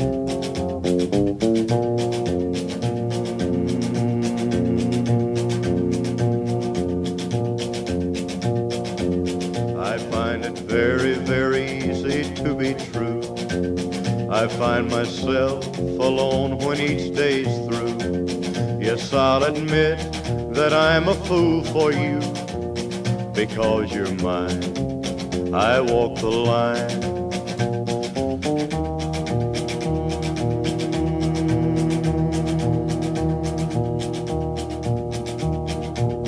As sure as night is dark and day is light, I keep you on my mind both day and night. And happiness I've known proves that it's right because you're mine. I walk the line.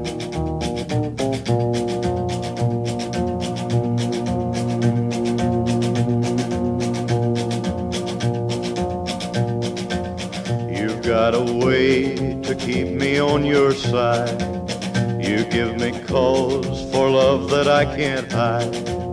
For you, I know I'd even try to turn the tide. Because you're mine, I walk the line.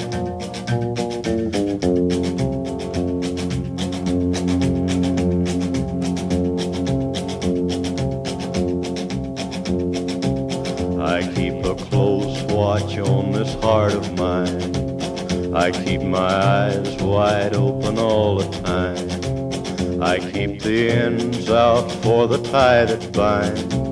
Because you're mine, I walk the line.